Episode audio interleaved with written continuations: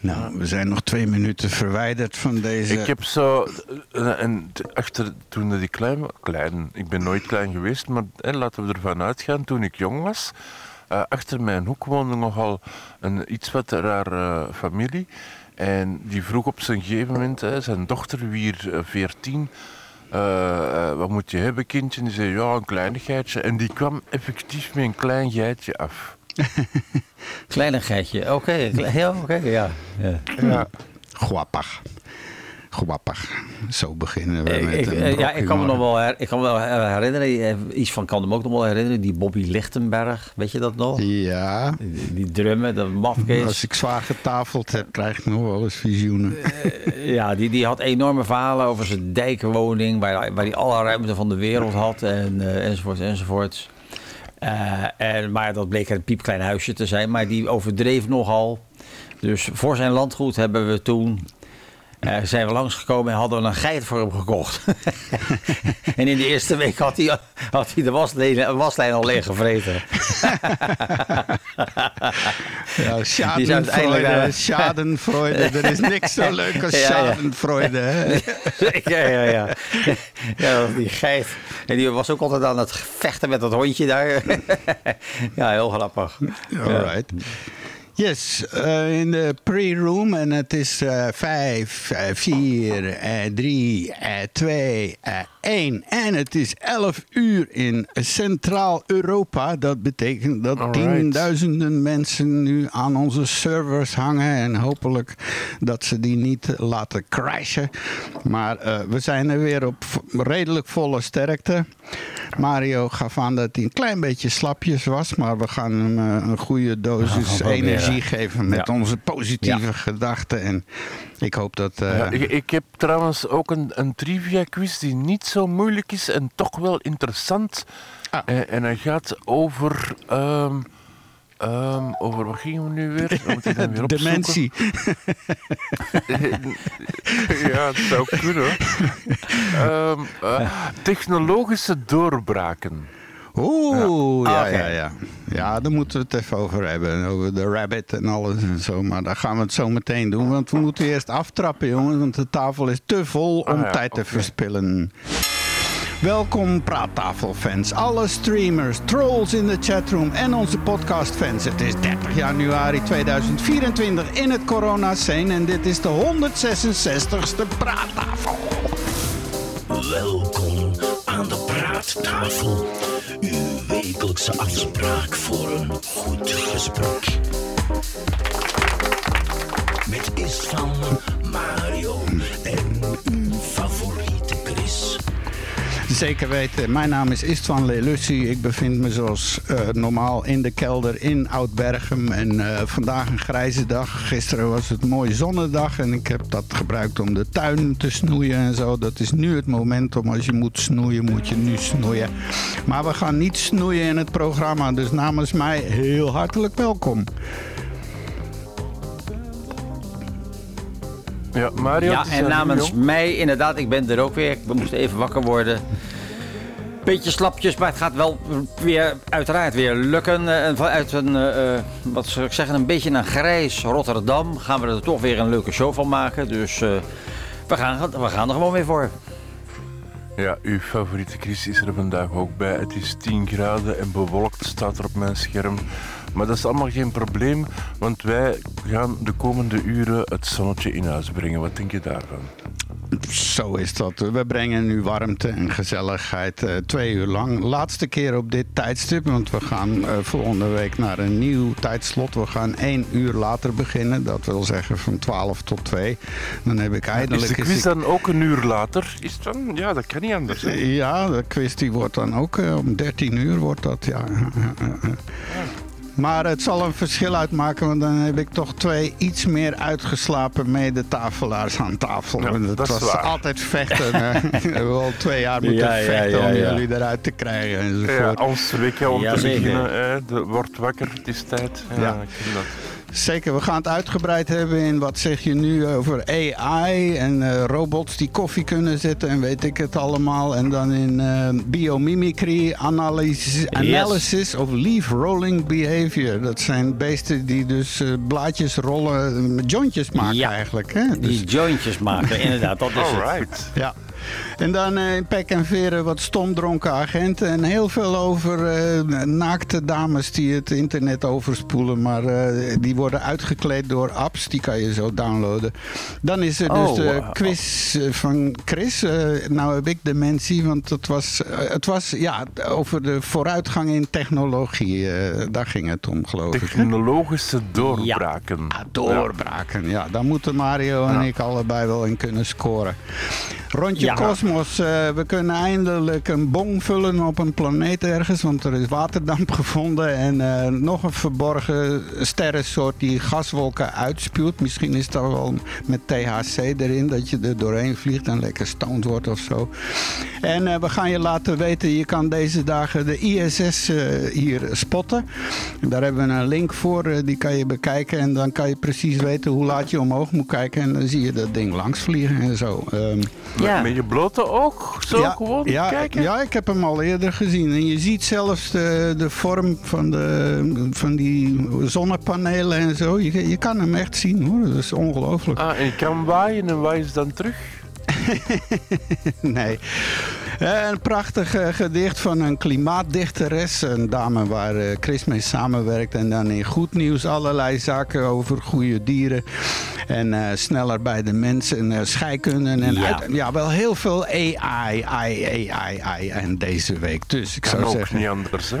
Nee, nee. Maar het is vandaag niet zomaar een dag, Chris. Want er is van alles aan de hand natuurlijk. En jij gaat ons dat helemaal keurig uitleggen in het volgende blokje. Wat is er vandaag allemaal aan de hand? Ja, dat zou wel zijn. Eh, We zijn tenslotte 30 januari, kan je het geloven, is het van? 30 Ik, januari. bijna hoor. niet. Het, kost me steeds Nee. meer moeite om jou te geloven. Ongelooflijk. Ja. Eh, het is dan ook de 30ste dag van het jaar. Nee. Hè, dat- want dat hangt samen. Ja, absoluut. Eh, en dat houdt in dat eh, er nog 335 dagen te gaan hebben tot het einde. En, en er is inderdaad in het verleden van alles gebeurd. Bijvoorbeeld in 1649, koning Charles I van Engeland wordt op last van Oliver Cromwell onthoofd. Oei. Oh, Nou, het dat was toen mode, hè? Als Nou, maar kijk, ik zou als trouwens- ik die nieuwe Charles was toch niet zo rustig slapen. Ja, maar dat was toen de mode, eh, om, als je koningen wou. Het was trouwens ook de enigste Engelse koning die Oh. is afgezet en onthoofd. eh. Was hij echt Ehm. de leukste, de enigste? Of was hij de enige? De enige. Ah, gaan, we, gaan we beginnen op taal te letten? Oké, Ja, ja. de enige. Eh, In Engeland tenminste. Eh, maar dat ging niet ongestraft, want in 1661 eh, is het lijk van Oliver Cromwell eh, wordt opgegraven en postuum geëxecuteerd, eh, omdat hij dat gedaan heeft. Dus de man was al dood, maar ze hadden hem dan toch ge- eh, bevonden dat hij dat niet had mogen doen. En daarom is hij opgegraven en toch nog... De, de Engelsen, ze blijven toch Rare jongens, rare jongens die Britten. Ja. In Heel vreemd. 1820, Edward Bransfield. Ik weet niet of, of dat je dat iets zegt. Welk? Nee. Eh, Edward Bransfield. Nee. Maar hij, is, eh, de, hij heeft Antarctica ontdekt. Hij Oh. was ook de Oh, eerste persoon die daar eh, rondgewandeld heeft. Op, eh, en dat was in 19... Oh ja. Nee, dat, In 1847. Ja, wat dacht je? ja, een beetje koude voeten. Hij dacht, het is niks, ik ga weer terug. Ja. In 1847, het Californische dorpje Yerba Buena. Zegt dat iets? ja, vakantiegangers nee, horen misschien. niet. Nee. Nee. Eh, krijgt een nieuwe naam, San Francisco. Oh, kijk eens aan. Nou, dat hadden we, dat hadden we moeten kunnen weten. Ja, in wezen wel. In 1928, tussen Nederland en de Verenigde Staten, komt een draadloze, een draadloze telefoonverbinding tot stand. Ja, Ja. in 28, ja. via zenders. Ja, Marconi en dan weet ik veel. Er was toen al radio. Waarschijnlijk. Maar, maar via Ja, relaystations op IJsland en dan op Newfoundland en zo. En we hebben Maar ook inderdaad, ja. ze, ze de boel is ook aardig afgefikt toen met een enorme zonnevlam. Ja. Er was een tijd lang was er een vliegveld op Newfoundland in die periode. Was het drukste vliegveld ter wereld, maar dat was niks anders dan brandstof. Want dat waren alle vliegtuigen die dan vanuit Engeland en dingen moesten daar stoppen voor een brandstof om door te vliegen naar New York en andersom ook. Dus dat was het drukste Ja. vliegveld, maar je kon niks, er was niks, geen restaurant, niks. Dat was alleen maar even tanken, zo een tankstation. Ah, Ja, oké. maar dat, dat gaat niet over telefoonverbindingen. In 1969 het laatste publieke concert van de Beatles op het dak van het gebouw van Apple Ah. Records. Ja, ja. Ja, het concert weer eh, afgebroken door de politie. Ehm, en het is niet de enigste groep. Later heeft U2 dat ook gedaan. eh, Het was wel de enige groep. Ook niet de enige groep, zeker niet. Maar wel de enigste. Zeker. Nu, nu was het heel toepasselijk. Het is nog ochtend. eh, Ja. Volgende week, als we een uur later bezig zijn, gaat het allemaal beter gaan. In 2003 in België keurt de Kamer de wet op homohuwelijken goed. Oké. 2003. Ja. In 2007, Microsoft of Microsoft, eh, zou iets van zeggen, brengt Windows Vista uit. Kan je dat nog herinneren? Helaas, als ik zwaar Oké. getafeld heb.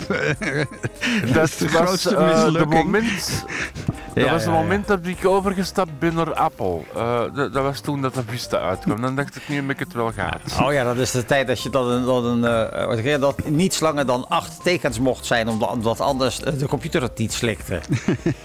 dat weet ik toch wel, ja. Ja, dat is heel Vandaag is, het, ja, vandaag is de dag voor het werkplezier in de zorg. Oh, sector. nou, Eh, nou als ik de altijd- stakingen en de problemen zie en zo, dat, is, dan... eh, dat is heel zorgelijk.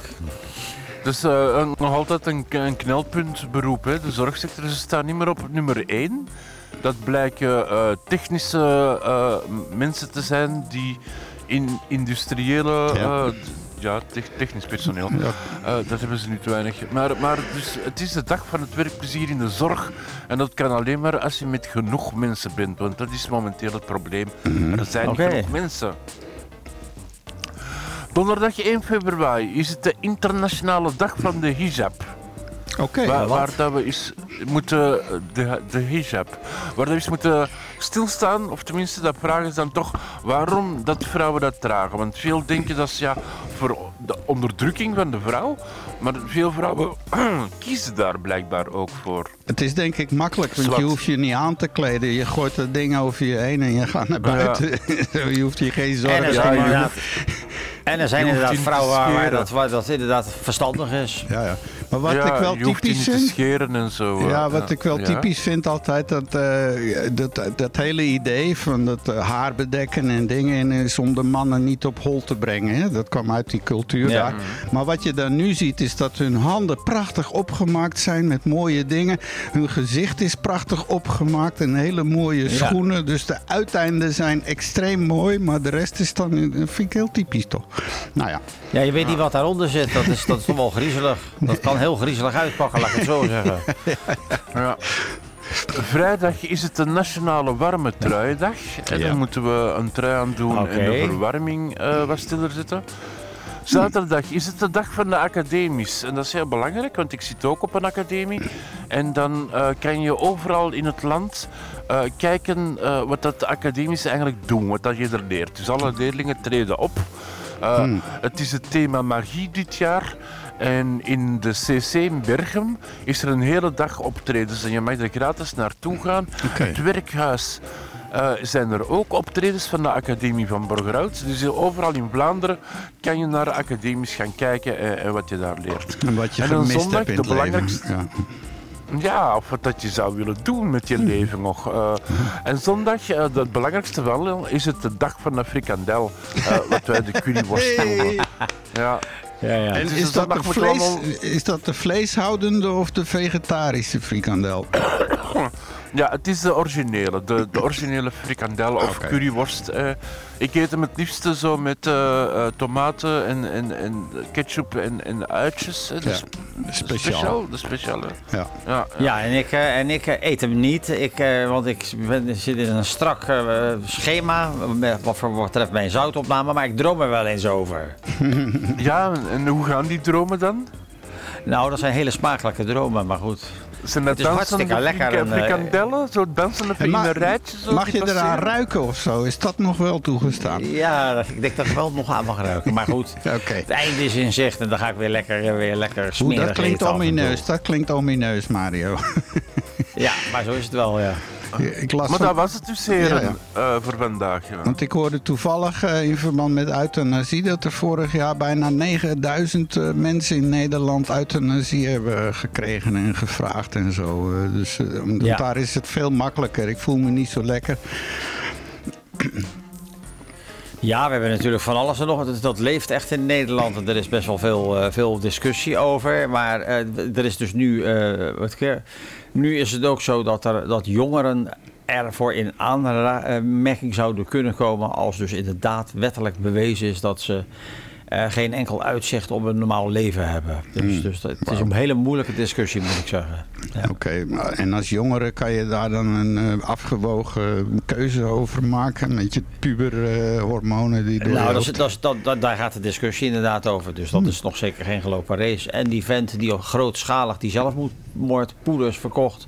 die is dus nu wel veroordeeld. Die, eh. Op een gegeven moment was het, eh, kon iedereen het even halen. En dat kon je dan desnoods ook bij, in de koffie bij je schoonmoeder flikkeren. Als je begrijpt wat ik bedoel. Dus dat is niet slim gewoon.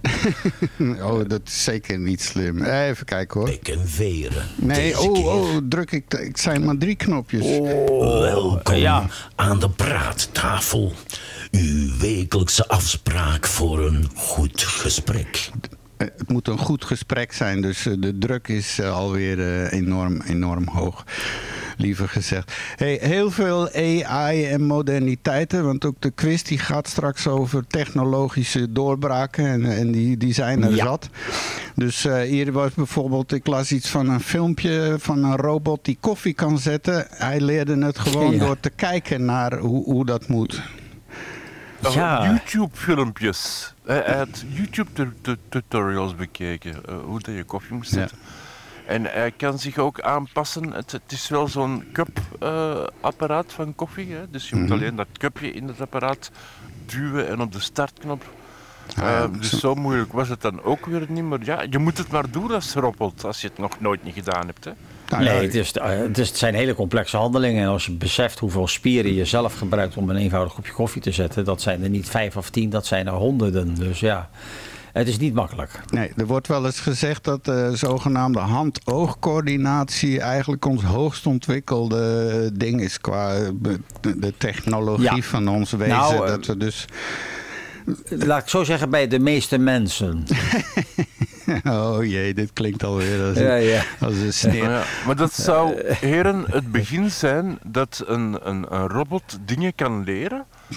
En, en eh, dat is nu ook bezig trouwens met AI, dacht ik. hè, Dat AI zichzelf Zeker. kan verbeteren en een beter systeem van zichzelf maakt zodanig dat het nog slimmer zou zijn en slimmer zou kunnen worden dan de mens. Nou ja. Dat is, daar gaat nu de, de, de hele discussie over, over de generatieve AI. Met andere woorden, dus autonome AI-robots, zal ik maar zeggen, die zelf eh, kunnen, kunnen uitmaken wat ze willen gaan doen.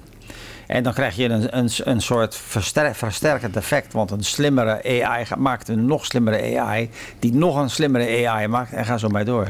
Ja, ja, ik hoorde van de week op een of ander discours van een universiteit op YouTube. En ik kijk wel eens naar die dingen. Er is heel veel van te leren. Maar er was één opmerking die zei: zodra AI zichzelf kan eh, maken en repareren, is het waarschijnlijk afgelopen met de mensheid. Want die zal gewoon redeneren van eh, dit is een slechte invloed op, op het bestaan. eh, Nou dus- ja, dat, dat is een beetje Terminator. Dat, dat is gewoon zo. Dat Skynet. Iedereen heeft die films wel eens gezien. Dat is de essentie. Mhm. De- ja, en, en je hebt natuurlijk ook steeds meer autonome robots die het eh, slagveld betreden. Dat heb je al bij grensbewaking, drones.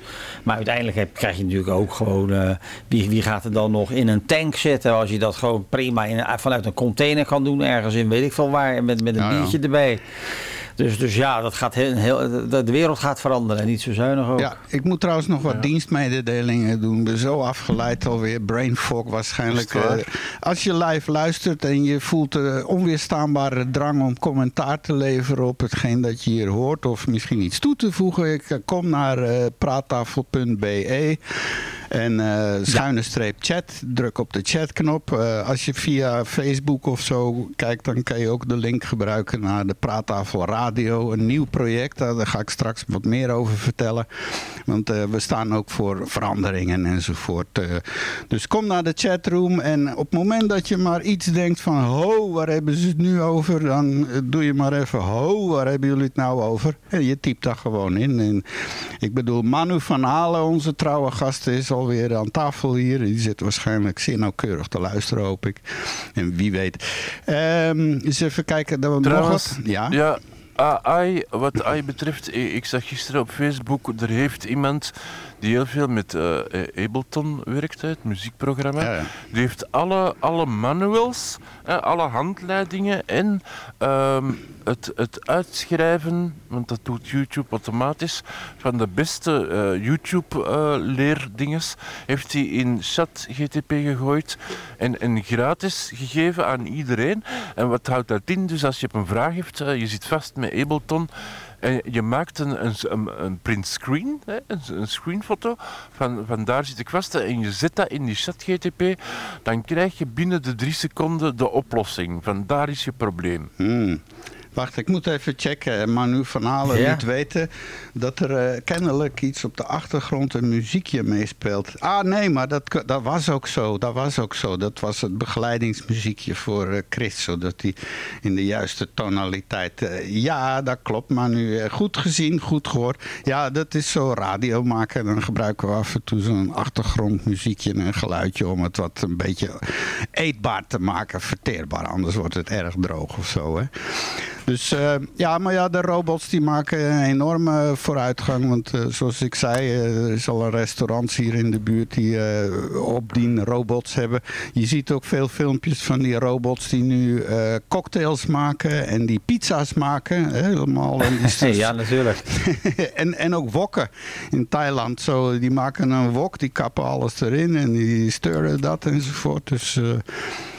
ja wat we vorige week zeiden, dat uh, Elon Musk schat dat er in 2030, dus over een kleine zes jaar, waarschijnlijk 1 miljard van die dingen rondlopen. Want allerlei bedrijven, Siemens en ook uh, Tesla, die zijn in de laatste stade van humanoïde robots. Dat zijn dus die... Nou, het is zelfs zo dat we hier in Vlaanderen binnen, ik dacht, vijf jaar... Uh, bussen rondrijden zonder chauffeurs. Ja, ja, eindelijk. Kunnen die, nou ja, kijk, dat... Dan kunnen die arme mensen ook niet meer in elkaar geslagen worden door opstandigen. je hebt er nee, veel geweld tegen die lui. Zeker, zeker. Dan kan je het redelijk idiot-proof maken. Maar je ziet het al. Neem nou bijvoorbeeld in, bij ons de, de, de, de Rotterdamse metro. Waarom zit daar in vredesnaam nog een chauffeur in? In de metro. Wat, wat doet die man? Ja, in Japan hebben ze bestuurders afgeschaft, maar er is iets psychologisch. De mensen willen dat zien. en in hun treinen zit er een pop. Er zit gewoon een pop voor in. Die ook zo'n beetje beweegt en gewoon ook. ja, dat, is, dat is voor de toeristen. dat is voor de toeristen die denken dan, die zien in een schim, oh gelukkig. Maar dat is ook zo. Maar alles is geautomatiseerd. Zelfs, zelfs vliegen. Die, de, een van de meest saaie baantjes ter aarde is piloot van een, van een, van een, eh, bij een vliegtuigmaatschappij. Die doen helemaal niks. en die slapen gewoon eh, tussen de landing en, en, en opstijgen. Nou, Andersom moet ik ja, dat mogen ze wel niet helemaal. Maar je hebt op die hele lange vluchten van 14, 15 uur... hebben ze drie man en dan één die kan er even slapen. Maar het is wel zo, ze stijgen op. Dat is nog allemaal manueel. En dan op een gegeven moment drukt hij de autopiloot aan. En die wordt uitgezet nadat hij uitgetaxied is. Van tot en met de landing is helemaal geautomatiseerd. En dat is ook een klacht van die piloten. Van ja, het is moeilijk wakker te blijven als je de hele tijd niks doet. Niets. Echt niets. Nee, je hebt helemaal niks, helemaal niks te doen. Ja. ja, wachten op een ramp. Hè. Wachten totdat er een deur uitvliegt of zo. En dan, dan ben je wel blij. ja. Zeker op een, Boeing, eh, op een Boeing zou ik toch wel graag wat extra technici. En, ja, en wat je dan verbaasd? Ik heb ook die, die hele gele opblaasglijbaan niet gezien. Dus je verwacht dat je dan pang en dan, en dan heb je dus een soort... Uh, maar dat was gebeurd dus niet inderdaad. Maar goed. Ja, de- nog even aan het eind van het programma hebben we altijd een blokje goed nieuws. Dus we stoppen het slecht nieuws maar hier. Maar de ondergang van de mensheid is nog steeds nabij. De doemsdagklok blijkt op... Nee, dat, dat was toen wij klein waren. Dat ging over die atoombommen en Russen en zo. En, Ja. eh, ja. Maar ja. eh, we zijn nog geen bal opgeschoten. Hoe, hoe- waar, waar zijn we mee bezig eigenlijk? Nou, het gaat niet goed. Dat, ik, ik ben ervan overtuigd dat, eh, de- dat we een paar tipping points gaan, gaan overschrijden. Waardoor we dingen zien die we niet meer kunnen terugdraaien. Denk ik. ja. Dus dat, we hebben nu al in Nederland hebben we al zeven winterstormen gehad. En dit is het beginnetje. Ik denk dat we nog steeds over 100 jaar of over 500 jaar hebben we nog steeds seizoenen. Maar dan heb je geen zomer en lente, en lente meer. Nee, dan heb je de zomerstormen, de lentestormen en de winterstormen en de herfststormen. Ja, en dan zal je ook zien, dan is die hele band rond de Evenaar eh, is dan verwoestijnd. Want eh, boven 40 graden doen planten niet meer aan fotosynthese. Dat is ook waarom dus woestijnen zo, zo leeg blijven. Afrika zal leeg zijn en Europa zal een fort geworden zijn. Tja. En, het en dan, dan ook nog even een toekomstvoorspelling. De, de, zeg maar de, de eh, geschiedkundigen van die tijd, over 500 jaar, die kijken terug op de tijd waar wij nu in leven. En die zullen ons bestempelen als de ASO-generatie. In het, volgens het credo, ze wisten het en ze gingen gewoon door. Ja, en dat doen we nog steeds. We gaan er gewoon inderdaad door. Ik hoorde trouwens op de BBC interessant dat er nu ook een eh, gedragsverandering plaatsvindt bij zo kraanvogels en ooievaars. Want die gaan niet meer naar migreren. Die blijven gewoon heel de winter hier. Want er is voedsel zat, want er is geen winter Ja. meer. Eh, Ja, de ja. jongeren leren dus ook niet meer waar ze naartoe moeten daar in Afrika. Die blijven gewoon hier zitten. En ja, als er dan ineens zo'n eh, echt een koude golf een probleem. komt, ja, dan hebben ze wel een probleem natuurlijk. Dus het is eh, onder onze voet aan, aan het veranderen, echt waar.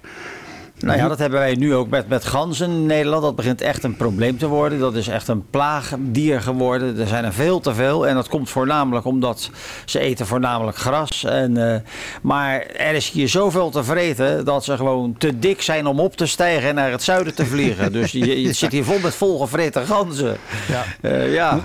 Want het is ook veranderd, hè? want eh, jaren geleden hadden we het over global warming. Hè? Dus, dus eh, de planeet warmt op, warmt op. Maar ja, dan krijg je nog steeds meer de winterstormen en weet ik veel. En dan zeggen de anti-klimaatmensen van ja, dat is bullshit, global warming. Want kijk eens in Noord-Amerika, daar was de hele Amerika was bevroren en meters sneeuw en zo de laatste weken. En hoezo global Ja. warming? Maar het is nu veranderd in global change. Hè? Climate change. Ja. Het is aan het veranderen. En niet zozeer warmer aan het worden, maar extremer Nou, allemaal. Ja, dus het, komt, natuurlijk, het is natuurlijk wel zo dat dat komt door die CO2-toename in de atmosfeer. Dat is de grootste, proble- het grootste probleem, die broeikasgassen. Ook methaan en zo.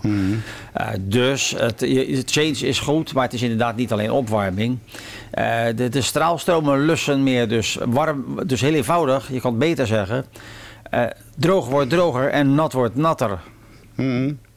Als Ja. je dat zo kort samenvat, dan heb je eigenlijk alles in één keer. Ja, over methaan gesproken. Ik weet niet of jullie dat gehoord hebben. Dus van de week is die grootste cruiseschip ter wereld. eh, de, weet ik veel hoe dat ding heet. Oh ja. eh, met 7000 passagiers en 2500. Ja. pe- Die is dus eh, nu vertrokken voor zijn eerste reis. En, en die is voor het eerst in plaats van dat hij zware diesel stookt, eh, wordt die gestookt op eh, LNG. Ja, op bio, LPG. Op- ja, ja, nee, niks ja. bio. Is gewoon LPG. Ah. En, maar dat stoot dus veel meer methaan uit dan die dieseltroep. En, dus, dus eh, dat wordt nou weer de Ja. nieuwe trend. eh, ja, en toch zeggen ze het is efficiënter. Maar eh, waarschijnlijk efficiënter voor hun portemonnee. Voor de winst en zo. Nou, als je kijkt naar methaan, dat is een 20 keer zo sterk broeikasgas als CO2. Om het maar even in, perspectiviteit, eh, eh, in het perspectief te plaatsen. Dat is ook het probleem, dat is ook wat heel griezelig is. Als je dus nu kijkt naar permafrost, naar de, de vlaktes in het hoge noorden, in, in, eh, Alaska en in eh, Rusland, eh, noem het maar op, overal waar je permafrost vindt. Dat begint nu te ontdooien en daarmee komen ontzettend veel eh, methaan komt daarbij vrij. Dus, en dat is 20 keer zo sterk, dus het versterkt zich. Tja. En, ook- Het en is wel zo dat ze nu heel veel. Ja, dat wil ik net zeggen. Er komt van alles nog wat nu ook boven. Ook heel veel fossielen zijn er ineens eh, te vinden. Maar inderdaad ook eh, virussen en bacteriën, noem het maar op. Dus het zijn interessante tijden. Ja, en de fossielen, dat zijn nu van die ingevroren mammoeten en, en eh, sabeltandtijgers. Maar die, dat zijn geen fossielen, Ja. die zijn ingevroren. En het blijkt nu dat ze zelfs nog soft tissue, dus die dingen kunnen ontdooien. En dan hebben ze bruikbaar vlees en DNA en weet ik het allemaal. enzovoort. Nou, dat is nu zo. Er is, er is ook zo'n groep in Utah, daar heb ik al eens eerder over gehad. Die dus inderdaad proberen gewoon de mammoet weer terug te fokken. Om eh, door gebruik te maken van een, een gewone olifant als draagmoeder. En inderdaad eh, een, een bevruchte cel voor elkaar te, te klonen, zal ik maar zeggen. Uit eh, gevonden eh, Mhm. materiaal van een ingevroren eh, mammoet. Dus Ja. dat is interessant. Hey, laten Ja, we als- even bij de dieren van het Pleistoceen. Over, milieu gesproken, hebben jullie de boerenprotesten in Parijs gevolgd? Eh, Ja. Nou, hier ook Ja. in er Antwerpen. Wij zijn nu ook afgesneden van de buitenwereld. Nu, as we speak. Hè. De, de- het viaduct Ja, bij Merksem is afgesloten. De A12 is afgesloten. Ja, en wij in Ja. Nederland hadden er al veel langer last van hè, met de boerenprotesten. Dat begon zo'n beetje bij ons, denk ik. We waren er scheidsziek van met eh, de Ja. A4 die afgesloten was. En met trekkers en weet ik het allemaal. Ja, ik, Dus ik ja. reed, ja. ja, ik reed eh, vorig jaar diverse keren voor wat optredens naar Nederland. En eh, toen snapte ik dat niet. Want ik zag dan langs de snelwegen al die vlaggenmasten staan met die Nederlandse vlaggen. Ik denk, oh, wat zijn die. Maar dat, dat kwam bij mij niet binnen. Dat ze ondersteboven hingen natuurlijk. Ja. Veel later. Dus, goh, die- lui die zijn al lang bezig, hè, die boeren. En iedereen heeft zoiets van, ja, boeren klagen al zo lang als ze bestaan. Maar ondertussen hebben ze een vette matras met veel geld erin. Maar dat, dat beeld is toch niet helemaal juist meer. Nee, dit is, het- Ja. het- kijk, ik begrijp ook wel hoe het gekomen is in Europa. Eh, op enig moment eh, was het zo dat eh, de, de, het keer de supermarkten de boeren begonnen af te knijpen. En dat werd, het liep een beetje uit de klauwen, want boeren vonden dat ze te weinig geld kregen voor hun producten. Dus toen hebben dus eigenlijk de regeringen in zijn algemeenheid in Europa, met name West-Europa, die hebben toen gezegd van boeren, jullie moeten aan schaalvergroting doen. Dan kan je nog genoeg winst maken. Toen zijn er subsidies gekomen. Toen kreeg je de megaboerderijen, de, de, de kippenstal, eh, megastallen en noem het maar op. En nu is het zo dat boeren voor een kippeneitje nog evenveel geld krijgen als 20 jaar geleden. En daar Ja, klopt ja. natuurlijk geen cent van.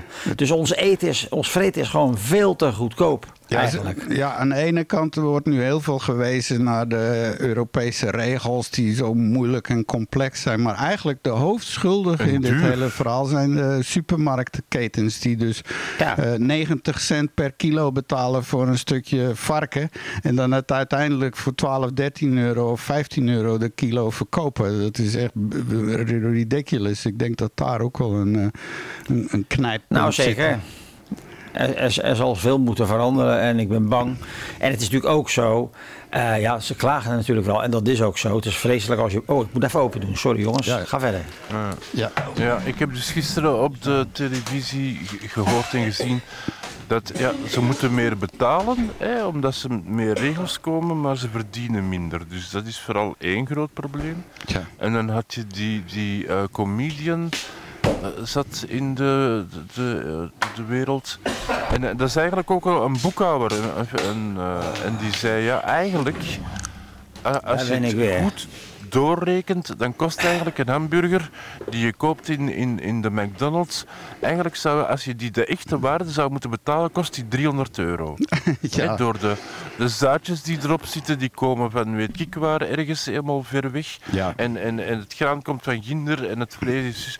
Dus, eigenlijk zou die hamburger 300 euro moeten kosten. Maar omdat alles zo industrieel is, kost hij maar een euro 50. Ja, maar over groen boeren. eh, kijk, in, de, in de zijrand van al die boeren, en met name in Frankrijk wilden ze de rode diesel. Hè, dat, is, eh, dat is diesel die goedkoper is voor boeren Ja. enzovoort. Die wilden daar het accijns verhogen. En, en zo'n boer die zei dan zo tussen neus en lippen: Ja, ik werk zo 10 uur per dag eh, met dat ding. Dus dan gaat zo 400, 500 liter diesel per dag door die dingen heen. Dus dan denk ik ineens van dat is gewoon goddorie honderd keer meer dan alle cruiseschepen bij elkaar. Want eh, dat is toch uitstoot. Het is bizar veel. Ja, die lui die gebruiken gewoon een halve ton. Nou, ik denk dat een cruiseschip wel iets meer gebruikt. Nou, denk eens aan al die miljoenen tractoren. Als je die nu op de weg ziet staan. Hè, dat is één zo'n cruiseschip. Maar ja, die stopt dan ook in een haven en zo. Maar die dingen die ga- gaan zeven dagen per week. Nou ja, misschien niet op zondag. Maar zeven dagen per week rijden die gewoon tien uur per dag met zo'n ding. Want ze doen alles met de trekker. De landbouwarbeider is meer een eh, zo'n trekkerpiloot geworden. Dus ja, dat snap ik ook niet hoe dat nou weer groen kan zijn. Als je, als je mooie bio-landbouw doet, maar je, maar je rijdt tien uur per dag met zo'n... En dat zijn geen kleine trekkers, hè, wat je tegenwoordig ziet. Dat zijn monsters geworden. Jazeker. Ja, dat is een probleem inderdaad. Ja. Maar het hele boeren, dat is echt een probleem aan het worden. We produceren te veel. Ja. En gewoon te veel vlees eigenlijk. Dat is eigenlijk nog het grootste. Dat is de olifant in de kamer. Als je kijkt hoeveel landbouwgrond je kwijt bent aan, aan, aan het produceren van voer voor, voor dieren. Dat is gewoon absurd. Eh, dus we, terwijl we gewoon, eh, als je kijkt naar ons eigen spijsverteringskanaal, wij zijn helemaal niet bedoeld om iedere dag 200 gram vlees naar binnen te schuiven. Dat is niet zo. Nee, we komen daar nog straks even op terug in eh, Pek en Veren. Maar ik wou nog één ding even snel aansnijden. En dat is jouw grote vriend Zout, Mario. Want er was een Ja. enorme wereldwijde ophef. Omdat een of andere toch wel bekende chemicus, professor in Amerika. Die heeft een eh, papier gepubliceerd. Waarin die stelt dat eh, thee, om de bitterheid weg te krijgen, moet je er een snufje zout in doen. En, Oh, oké. heel Engeland op zijn kop enzovoort. Van dat is bullshit. Ja. Maar Ja. die truc bestaat met koffie al sinds oma-tijden. Want jij hebt bij mij wel eens gezien dat ik, eh, als ik koffie zet, maar ik koop eh, meestal vrij goedkope eh, koffie. Want wij drinken te veel om hele dure koffie te kopen. Maar trouwens, ik moet die zeggen van de Colruyt, die is heerlijk. Maar om de Ah, bitterheid weg te halen... gesponsord door de Colruyt? Nee, eh, de sponsors komen zo meteen aan bod. Maar, maar eh, om, om die, inderdaad die bitterheid weg te nemen, kan je een klein, heel klein scheutje zout op de, op de koffie doen voordat je opgiet. En, en dat bindt zich met een of andere stof die dan de bitterheid veroorzaakt en die neemt dat weg. Dus eh, ik, ik vroeg meteen me af, ja, eh, is dat geen algemene wijsheid of zo? Want jij had daar nog nooit van gehoord, hè Mario? Nee, nee, nee. Het, het is, ik, ik weet ook niet waarom. Ja, ja, kijk, zout dat doet veel met, met smaak. Wie, wie weet, eh, eh, t- triggert het inderdaad. eh, wordt de, de smaakgewaarwording iets anders? Dat zou zomaar kunnen, maar ik weet, weet eigenlijk niet bittere dat zo is. Ja, eh, Nu, eh, eh, ja, het tweede kan. probleem was tussen de Amerikanen en de Britten is dat de Amerikanen hun thee zetten in de microwave. Dat was ook al zo een gevoelige snaar bij de Britten die eh, niet goed thee.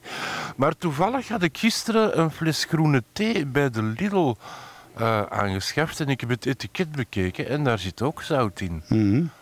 Ja, dat Eh, wordt dus gebruikt om, om, om een soort... Het is een smaakversterker. Ja, en ook, maar Ja, het schijnt ja. dus eh, met name zich te binden met eh, bepaalde stoffen. Die, eh, want er zitten duizenden stoffen in koffie en in thee en wijn en zo. Dat is allemaal zeer complex. Maar het schijnt inderdaad zo te zijn dat het bitterheid... Dus ik, ik gebruik dat al jaren en kijk dat daar niet zo van op. Maar het wordt nog gekker, want in eh, Finland... eh, heb je cheese in de koffie. Ja, maar dat zijn Finnen, hè? Dat vind ik niet vreemd. Dat zijn Finnen. ja, dus Wat moet je in godsnaam zich- daar doen? Is het eh, geen oude eh gouda die ze erin doen, maar eerder een, een zoete, zachte kaas? Mhm. Dus eigenlijk als je een, een, een mokka dessertje eh, bestelt, krijg je eigenlijk hetzelfde. Dus ze noemen dat kaas, maar eigenlijk is dat meer een, een hele in Finland. een dikke, een dikke roomachtige eh, toestand die zoet is en niet zout Mhm. eh, in dit geval. Nee, nee, nee. inderdaad. Maar inderdaad, het, maar over zout gesproken, het zit in alles. Ik ben dus nu, omdat ik nu heel erg eh, zuinig moet zijn met zout. Ik moet echt onder de 3 à 4 gram per dag blijven. Nou, dat is, als je daaraan gaat staan, dat is niet makkelijk. En da- dus ik ben een, een on- op hol geslagen etikettenlezer. Ik lees alle etiketten. Ik Ja. zoek ook veel uit op het internet en ik reken. En, als, en je bent dan op enig moment ben je gewoon, eh, is het bizar hoeveel zout overal in zit. En dat Ja, je ja, denkt van waarom zit, waarom zit het erin? Maar het is een soort van een smaakversterker. Dus, dus een hele, het is een hele goedkope grondstof. Dus je kan vrij makkelijk kan je, eh, natuurlijk de, de, de boel opkrikken door heel veel zout in te gooien. Tja. Terwijl het he- alleen maar eh, nadelen heeft. We hebben een klein beetje zout nodig. Sterker nog, dat is heel hard nodig. Olifanten die lopen er kilometers voor om, om, aan hun, om ergens een zout te kunnen likken van een rots. Eh, je kan niet zonder, maar zoals wij het eten, is dat absurd gewoon. Het is helemaal op hol geslagen. En dan nog even En ik tot- moet ook zeggen, ik moet ook zeggen, sinds ik het minder gebruik, ben ik wel, eh, is wel mijn smaakgewaarwording eh, toegenomen. Het, je gaat wel meer proeven. Net als als je stopt bijvoorbeeld met roken, heb je dat Ja. ook heel sterk. Ja, en na je transplantatie ga je gewoon meteen weer op, het zout gedaan met die zooi. Nou, ik, ik, ik, heb- ik, ga, ik blijf wel mijn brood bakken. Ik moest er net even weg. Er is weer eh 8 kilo meel afgeleverd. Eh, maar dat, dat bevalt me natuurlijk wel. Maar, ja, maar ik ga zout niet meer is zoveel zout gebruiken. essentieel in, in broodbakken, heb ik wel eens gehoord. Van, je kan dat Nou eigenlijk niet zeker. weglaten. eh, Voor het reizen hè, is het eh, wel belangrijk. Nou nee, dat doet de gist. En de gist mag niet bij, bij het zout komen. Nee, dus als ik een brood bak, dan moet ik eerst het water en de zout erin doen. En dan de meel. En dan bovenop de gist. En dan laat ik het s'nachts uh, mengen. En dan, uh, dan uh, is s ochtends mijn broodje klaar. Ja. Maar het is wel zo. Uh, we hebben heel weinig nodig. En, maar ik, het is echt zoutloos brood is niet te vreten. Maar als je zeg maar een derde zout erin doet, dan is het te hebben. Oké. Okay. Ja. Hey, nog even snel een linkje naar de biologie van de koffie. Want dat is bij mij ook heel typisch. Van waarom moet je na een kop koffie meteen naar het toilet om te kakken? Oh ja. en, en, ja. en, ik denk dat dat een algemeen verschijnsel is. Veel mensen doen het ook s ochtends om, om te helpen bij hun uh, ontlasting, zeg maar. Maar, maar ja. Uh, ja. het blijkt dus inderdaad dat uh, bepaalde stoffen die de cafeïne stimuleert de spierlagen tussen de dikke darm, waardoor die meer ja. samentrekken en dan actief worden. Nou, van de dunne darm, ja. Ja, hier staat dikke ja. darm in de krant, Mario. Dus uh, fake news. De, oh ja, oh nee, dan is het helemaal waar natuurlijk. Welke krant? Nee, maar het, het laatste ja, nieuws. En dat is gastro-entoloog Diederik Doremond van het AZ Sint Elisabeth. Maar het is wel een ziekenhuis in Zottegem, dus ja. Oké, okay, dus ja. Maar het is, in, nou ja, kijk, punt is, je hebt, je hebt twee soorten spieren. Je hebt uh, spierweefsel, je hebt gestreept spierweefsel. Dat, noemen we, dat is, zijn onze uh, skeletspieren bijvoorbeeld. Die zijn willekeurig. Dus ik kan zeggen, ik span met de vingers van mijn hand of ik, ik buig mijn arm. Die, die, dat kan ik doen. Maar je hebt ook glad spierweefsel en dat zijn de onwillekeurige spieren. Daar heb je geen, daar kan je zelf niks mee, maar dat werkt vanzelf. Denk maar aan je hele spijsverteringskanaal en het kneden en noem het maar op. Ja, ja. En, uh, en wat, wat die koffie doet, die, die, die prikkelen heel erg sterk de bewegelijkheid van, van, het, dar, van het darmweefsel. Oké. Okay. Uh, waardoor je dus peristaltiek krijgt met een mooi woord. En dan moet je inderdaad rennen naar de play. Want normaal is het zo, is, is je darm helemaal klaar met kneden, alles is eruit gegaan. Dan wordt het opgeslagen in je mm. dikke darm. En daar wordt het water er nog uitgehaald. En van de dikke darm komt het in je rectum terecht. En dan, dan ben je er helemaal klaar mee. En dan werkt het, dan kan je dus aandrang voelen. En dan heb je bij de anus heb je twee spieren. Uh, sphincters met een mooi woord. Mm -hmm. Dat is ook weer een willekeurige en een onwillekeurige. Als die onwillekeurige zich ontspant, dus dan, ga, dan krijg je aandrang. Ja. Uh, en dan kan je naar de play gaan, als het goed is, je ontlasten. Tja. Dat even tussendoor. Ja, ik heb daar een aantal jaren uh, issues mee gehad met mijn sphincter. Want dat blijkt ook de enige spier die standaard uh, heel de tijd gespannen is. Hè? Die, die, uh, anders, ja, je hebt er twee inderdaad. Ja. Anders, anders ga je lekken. En ik had dus een klein ja. een kloofje erin. Dat heet een anale ja, kloof. Visuur. Of een, ja, uh, en daar heb ik dan een sphincterectomie. Willen we dat wel weten eigenlijk? ja, hey, ja, maar de mensen willen nou, dat. Zeker. Dat, dat is informatief. Tuurlijk. En de mensen willen nog meer weten, want, want, want, want, want. Ik hoor hier iets uit de natuur. Wat we kunnen leren van de natuur. Wat kunnen we leren van de natuur, Mario? Wat kunnen we leren van de natuur? Ja, ik wilde het gaan hebben over uh, rupsen. En wel, uh, uh, om precies te zijn, niet zomaar een rups, maar over de bladrollers. De, de kersenbladroller met een mooi woord.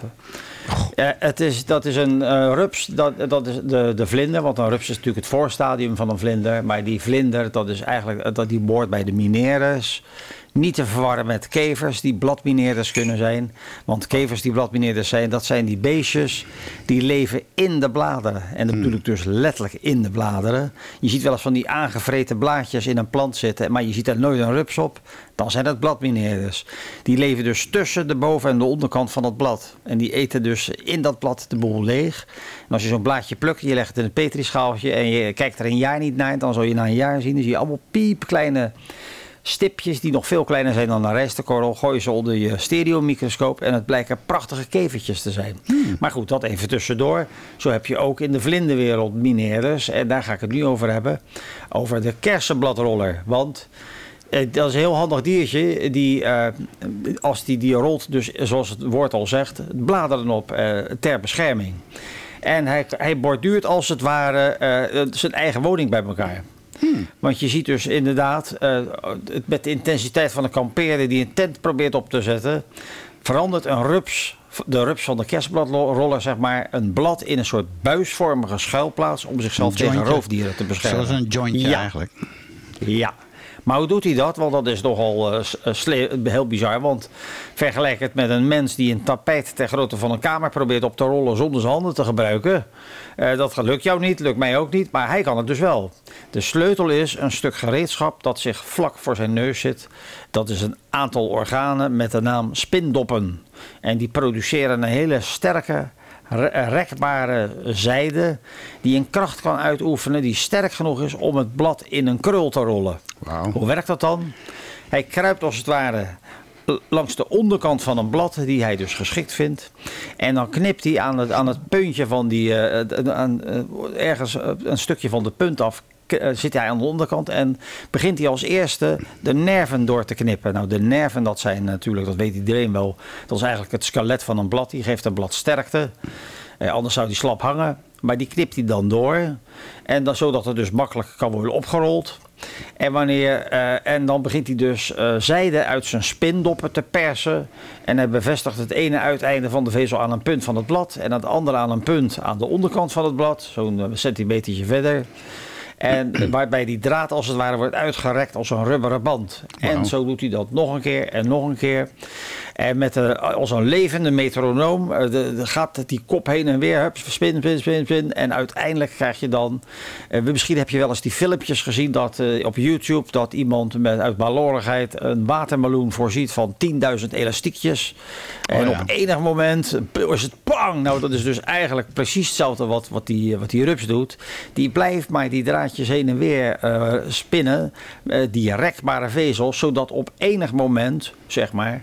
eh, die, die krul volledig is. En die blijft zich ook oprollen. Nou, wat er dan gebeurt, na vier, à- na tussen de 4 en de 10 uur heeft hij duizenden van die strengetjes gespannen.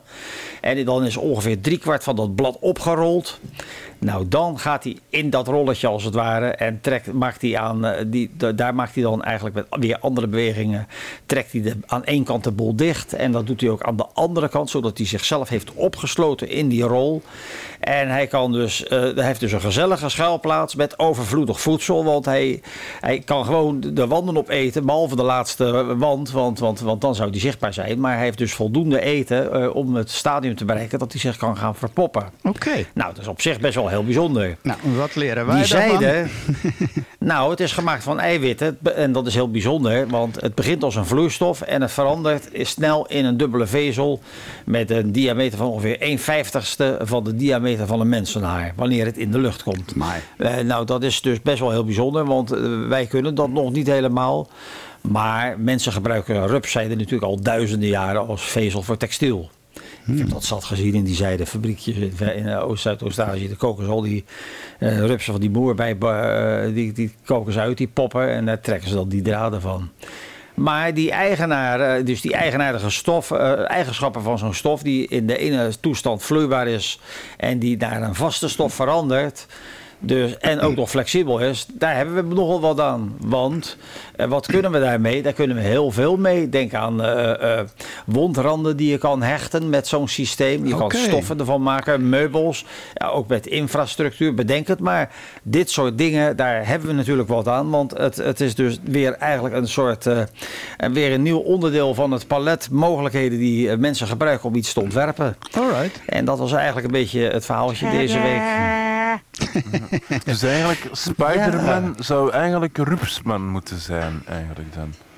Eh, nou ja, ook niet alleen, nou ja, ook eh, Spider en, en Caterpillar. Man, want niet alleen eh, spinnen maken zijde, maar rupsen doen dat dus. Tenminste, de, Nou ja, de de rups van de kersenbladrollen doet dat dus ook.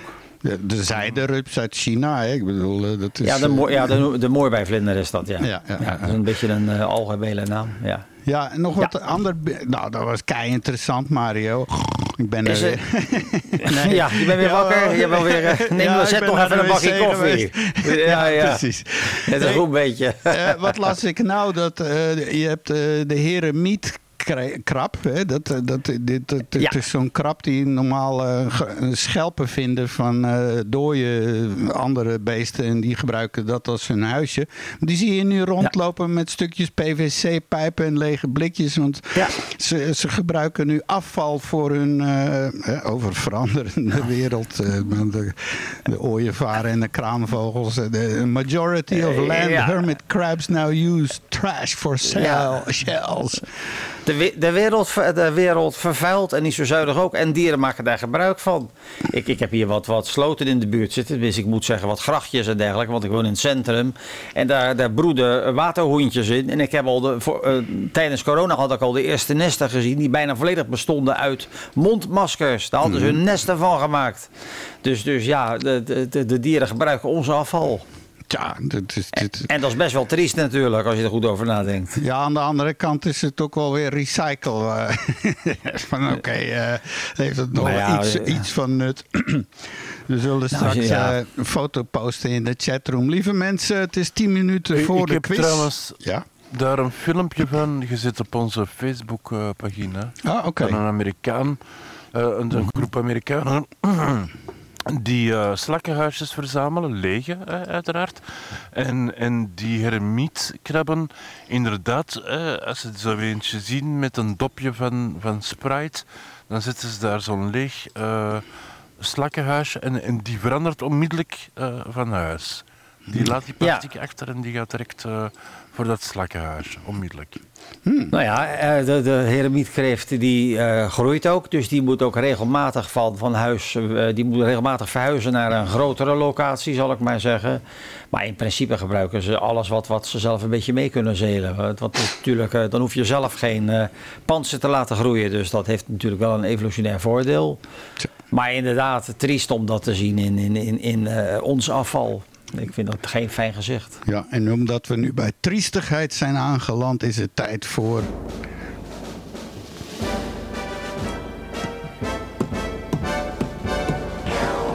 Pek en veren deze keer. Deze keer een robotmaaier die ontpopt zich tot moordmachine. En wetenschappers willen dat dat stopt. Ja, ja, de, de, de egelhakselaar. ja, dat is, dat, is, dat is vreselijk eigenlijk. Maar dat is natuurlijk, dat komt voornamelijk eh, doordat eh, van die figuren die zo'n ding hebben, dat ding s'nachts aanzetten. Overdag heb je daar natuurlijk geen last van.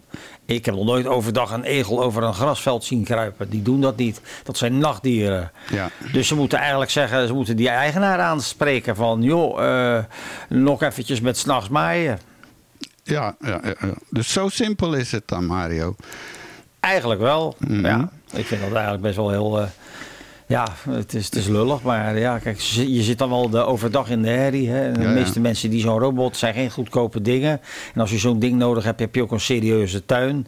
Dus ik ga ervan uit dat het ook mensen zijn met een, met een redelijk inkomen. eh, die dan klaarblijkelijk eh, zich niet willen druk maken. En overdag niet in de herrie willen zitten van dat ding. Nee, nee, nee. Dus nou ja. ja, Harry, ik, ik, ik was laatst op een, eh, op een tuinfeestje en eh, daar was een stuk eh, gras afgezet en daar reed zo'n ding. Je, je hoort helemaal niks. Dus dat is onzin. Maar Oh. ja, dat doen ze waarschijnlijk Nou omdat eh, dan, eh, ja, dan kunnen ze zelf in de tuin spelen zonder dat het ding rondrijdt of zo, weet ik veel. Ja, wel zoiets mogelijk. mogelijk. Maar ja, dat is, eh, ja.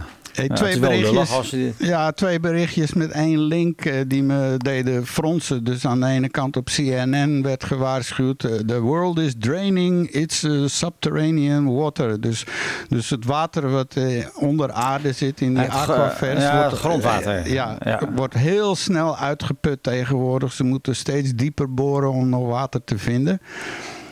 Ja, ja, En dat is echt eh, een probleem voor miljarden mensen, voornamelijk in Afrika en eh, India en al die plaatsen waar ze eh, puur afhankelijk zijn van bronwater. Maar dan lees je Nou, het volgende. ja. ja. Eh, de meeste amandelen ter wereld die worden in Californië gekweekt. En daar is nu wel een hoop ophef over. Want waarom? Van één amandeltje, hè, je weet dat is zo'n anderhalf, twee centimeter, is vier liter water nodig. Om, om dat Ja. ding tot eh, groeien te brengen. Dus als je dat ver- eh, vermenigvuldigt met een aantal duizend van die dingen, blijkt dat er voor één eh, kilo is ongeveer bijna drie ton water nodig om, om dat te laten groeien. Dat is Ja. heel, Nou ja, heel kijk, en, absurd. Maar, Maar ja, maar die amandelen, die, die, zit niet in die amandel. Hè. Ik bedoel, die- die- ze, ze sproeien dat ding en, en dat gaat terug het, gewoon het grondwater in. Hè. Ja, die moeten eigenlijk Nou- bijna zoals rijst in, in water opgroeien. Die, die hebben enorm veel water nodig. Ja, oké, maar het is wel zo dat amandelen natuurlijk wel gebruik ook kunnen maken van hemelwater. Dus wat, wat zeg maar, wat, wat, als het regent, hebben ze daar gebruik van. Maar wat, wat als je kijkt over, over verspilling van, van water, eh, dan, moet je naar de, dan moet je naar de veeteelt kijken. Als je weet hoeveel eh, water er nodig is voor jou, jouw biefstukje van 150 gram. Dat, dat, dat, dat is ook absurd. Als je dacht iets van 200 liter water voor, voor 100 gram eh, vlees. En dat is veel schadelijker dan die amandel. Want die amandel die groeit toch op regen desnoods. Dat kan je nog telen in een gebied waar het veel regent is. Maar daar hebben die koeien natuurlijk geen, eh, geen zak aan. Maar en het is natuurlijk zo met dat grondwater, dat heeft nog een ander probleem. Want het, het grondwater begint, het grondwaterniveau begint te zakken. Maar wat ze bijvoorbeeld in Amerika veel doen, dat is dat fracking. Dus ze proberen het laatste beetje olie uit de grond te halen door een gat te boren. Want dat zit, daar zijn, de, de laatste beetje olie zit in poreus gesteente. Dan pompen ze enorme hoeveelheden chemicaliën in dat gesteente, waardoor die olie oplost. En daar heb je weer het risico van dat eh, prik je verkeerd, dan kan zomaar eh, de, de laag waterhoudend, eh, de, de waterhoudende laag aangeprikt worden. Waardoor je dus in één keer je hele grondwater hebt vervuild. Waardoor je dus geen ene reet meer hebt aan, aan je, je kraanwater. Dan kan je flesjes gaan kopen. Dus het zijn griezelige dingen. Bij, bij RTL Nieuws stellen ze inderdaad dat voor het maken van 1 kilo rundvlees 15,5 ton water nodig is. Dus dat is 15.000 liter. Dat is meer dan eh, dat je in een heel jaar kan douchen. Zeg Ja, maar. ja. Ja, dus, dus dat is eigenlijk ah, absurd. Wa- Waarom, waarom doen we dat? Mhm. Ja. Ja, maar, maar ja, het is gewoon, vroeger was water er natuurlijk eh, plenty en niemand dacht daarover na. Maar het is een. eh, Nee. En nu, Nee. nu overal gaan ze dan die desalinisatiefabrieken neerzetten om zeewater te. Want dat is dan nog weer Ja. heel apart dat het meeste water voor ons ongeschikt is op deze planeet. Zeker, zeker. Dat is ook heel lastig, want het betekent ook dat dat hele proces van het ontzilten, die ontziltingsinstallatie, die vervreten energie. Ah, ja. En het is best wel griezelig. Je ziet al nu al tekorten in water. En ik verwacht ook wel dat, je, dat we wateroorlogen gaan krijgen. Met name van, eh, denk maar, eh, grote rivieren. Die hebben natuurlijk landen stroomafwaarts. Ja, en dat zie je nu al eigenlijk in, eh, in, in Egypte en, in, eh, en ook wel in Irak. Dat, Zeker. dat landen klagen dat, dat het land bo- boven, boven, bovenin, zeg maar, waar het begint, eh, die eh, plaatsen dammen. Waardoor zeg maar, alles wat stroomafwaarts zit, te weinig water heeft bijvoorbeeld. Ja. Hey, eh, Erik A. is aangeschoven in de chatroom. Lieve mensen, kom naar de chatroom. Het praattafel.be eh, schuine streep chat. Eh, en eh, hij zegt ook voor één jeansbroek is 7000 Zeven. liter water nodig. Voor één jeansbroek. En maar hoeveel miljoenen Ja. van die dingen... Het is tegenwoordig allemaal jeans, jeans, jeans hebben we allemaal aan. Maar, Ja, alles zit vol met water wat dat betreft. Als je ook mensen neemt, mensen zelf, die, die bestaan ook al voor 65% uit water. En als ik op de markt loop en ik kijk omheen, is het volgens mij bij sommigen zelfs nog veel meer. Tja. Ja, en dan uh, tot slot nog even in dit blokje, want we gaan dadelijk beginnen aan de quiz. Over een minuutje of uh, ja. vier. En is het weer tijd voor onze favoriete Chris. En ik hoop dat hij na afloop ook uw favoriete Chris wordt. Je kan hem volgen op. Ik ben er al lang volgens mij. Mm. Oh. oh nou ja, dat is een aanname, hè? dat gaan we moeten bewijzen. Uh, nog even dit, uh, we hebben het al eens eerder gehad over dronken agenten, met name federale agenten hier in België, die een beetje buiten hun boekje gaan. Stomdronken, dus uit het laatste nieuws, stomdronken federale agenten in boeien geslagen door collega's. Hij probeerde een vrouwelijke inspecteur kleren van het lijf te rukken. ja, dan heb je wat uit te leggen als agent. Maar die lui, die, die, ik heb zo het idee dat die federale, want ik weet niet hoe het in Nederland is. Vroeger had je hier dan de Rijkswacht en de gewone politie. En de Rijkswacht was zo'n ja. soort semi-militaristische. Hè, dat, dat, ja, dat, dat, was ook de politie van de politie. Uh, daar kwam je. Te, die, ja. Ja, ja, ja, want in Nederland had je de Rijkspolitie, maar uh, dat is ook allemaal afgeschaft. Maar hier heb je dus nog steeds de federale agenten en lokale agenten. En die federale die denken van wij zijn uh, op machtig, wie kan ons wat of zo. Het is nog echt een soort klasse maatschappij uh, toestanden hier. Uh. okay. Ja, ja, ja. Ja, het gebeurde vorige week donderdag al. Dus drie agenten arriveerden volgens ooggetuigen om zeven uur in een bar. En drie uur later ging ik naar hun tafel naar klachten van andere tafel, zegt de uitbater. Die is 22, een jonge gast. Twee mannen en één vrouw waren duidelijk stomdronken. En ombeurten waren de mannen aan het tongzoenen met de vrouw. Kom aan zeg.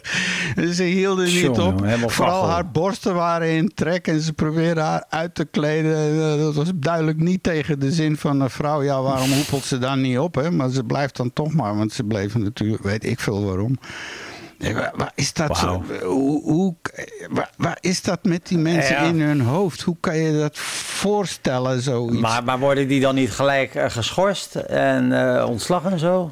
Nou ja, dat is heel moeilijk allemaal. Dus uh, de, even kijken hoor. Er was terrasmeubilair omgegooid. En ze, gingen, ze werden naar buiten gewerkt door een klant en een personeelslid. Die, die ook nog een klap kreeg. De inspecteur werd steeds agressiever. Buiten bleef hij stampij maken op het terras. Gooide hij tafels en stoelen omver. Nou, en dan werd hij uiteindelijk toch in de boeien geslagen door lokale agenten. En hij gleed uit over een ijsplek en viel over de grond met zijn gezicht naar beneden beneden. Bleef knockout een tijd lang bewusteloos liggen. En dan wordt hij wakker in het politiebureau van... hè, wat is hier aan de hand? ja, ja, ja, heel bijzonder. Ja. En tot slot de woordvoerder van het parket van Brussel was bijzonder karig met commentaar toen hem naar de toedracht werd gevraagd. Het onderzoek is aan de gang, zoals ze dat altijd zeggen. We kunnen niks zeggen. Ach ja. Dus ja. ja.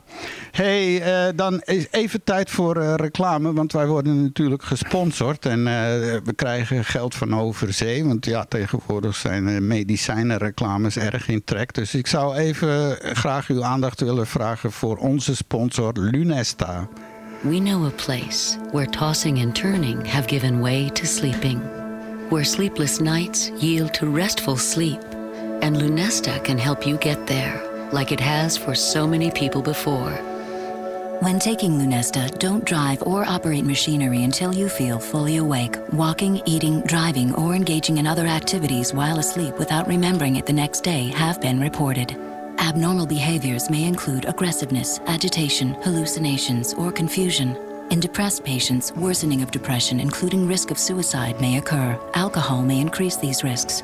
Allergic reactions such as tongue or throat swelling occur rarely and may be fatal. Side effects may include unpleasant taste, headache, dizziness, and morning drowsiness. Ask your doctor if Lunesta is right for you.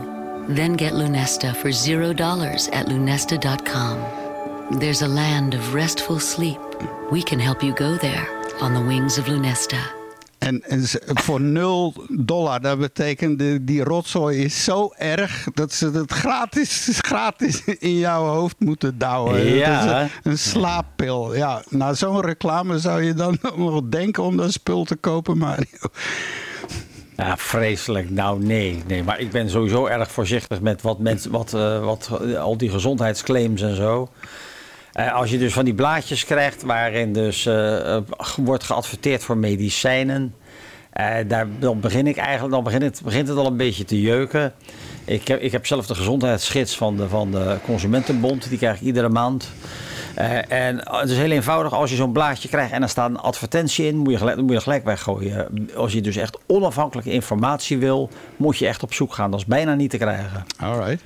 Hey, het is high noon in eh, West-Europa, precies 12 uur. Dus dat houdt in dat het tijd is voor, de, denk ik toch, het hoogte. Ik wil je niet al te veel opslijmen, Chris, maar eh, het is een Doe soort. maar. Is Een van de hoogtepunten in onze show. Hier is de quiz van onze favoriete Chris.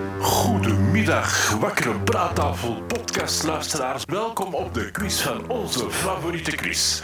En voor vandaag hebben we weer een dozijn kakelverse, boeiende vragen waar we graag ook antwoorden op zouden willen krijgen. En als het even kan, de juiste antwoorden, nietwaar? En u kunt dus ook meespelen, beste luisteraar, en antwoorden via onze praattafelchat op praattafel.be en op chat te drukken. Of je kan ook heel hard roepen, nietwaar? We zijn er dus klaar voor ik heb er zelf ontzettend veel zin in. Laten we starten met de quiz van onze favoriete Chris.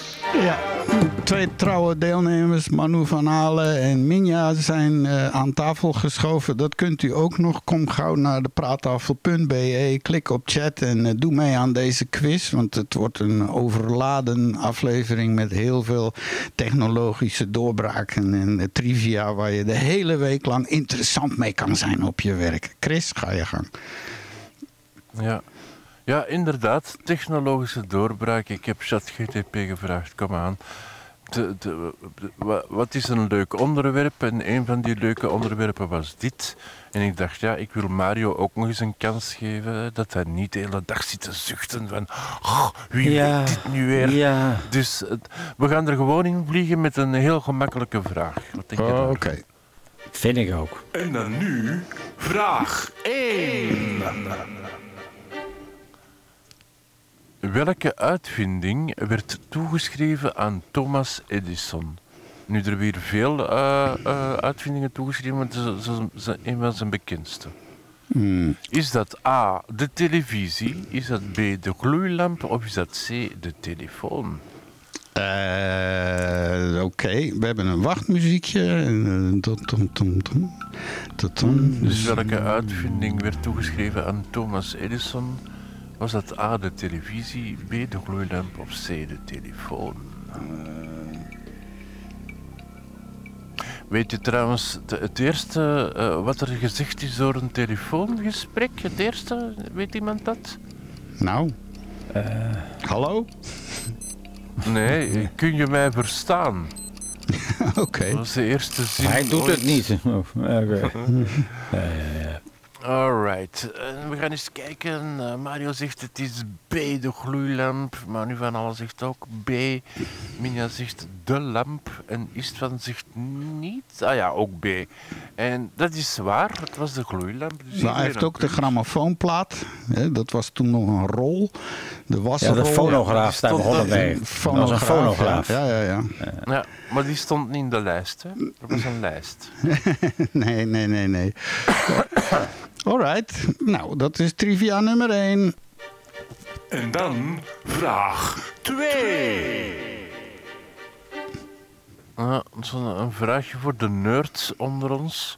In welk jaar werd de eerste programmeerbare computer, de ENIAC, voltooid? Oh, ja.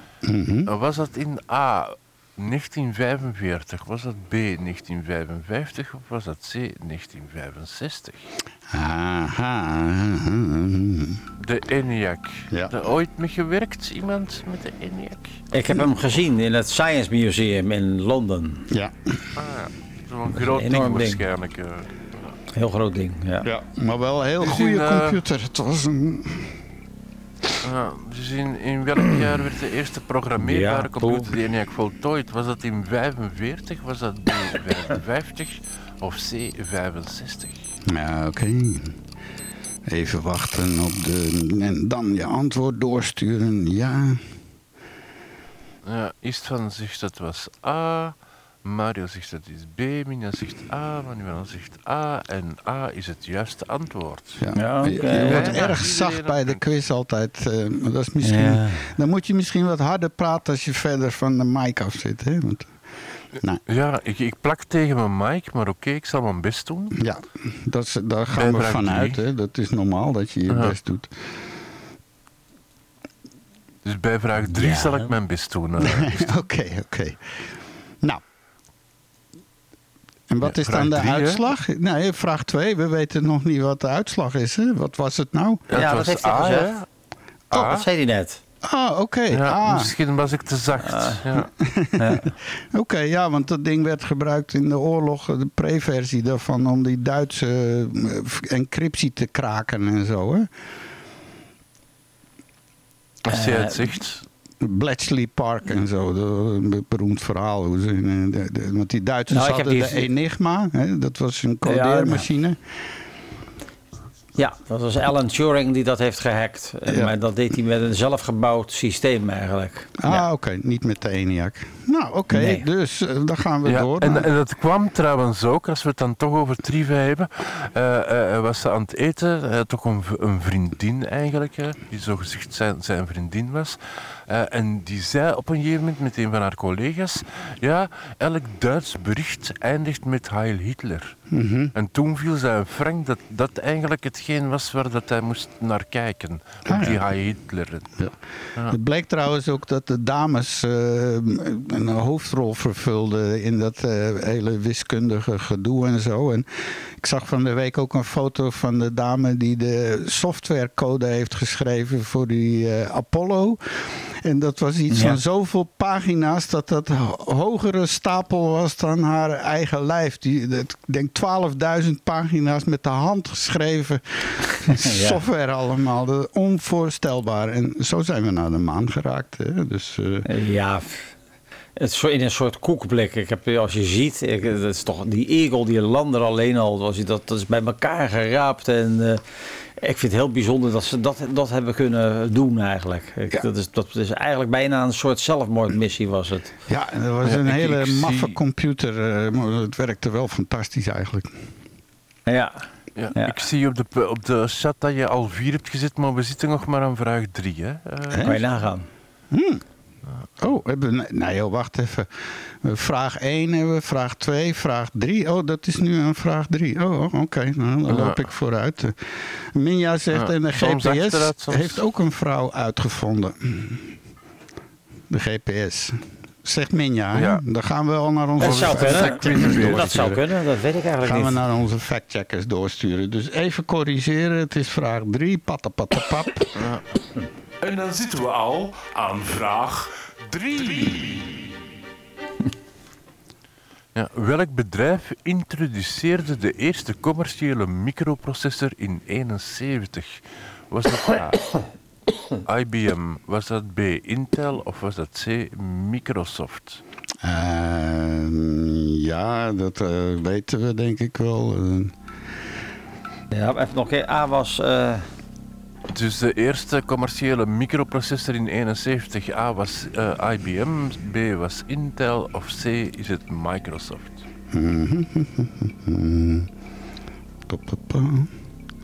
Het gaat om de chip, hè? niet om de computer. De de microprocessor. chip. Ja, ja. Een processor zelf. Ja, ja. Iedereen op Wikipedia aan het zoeken. Tatatam.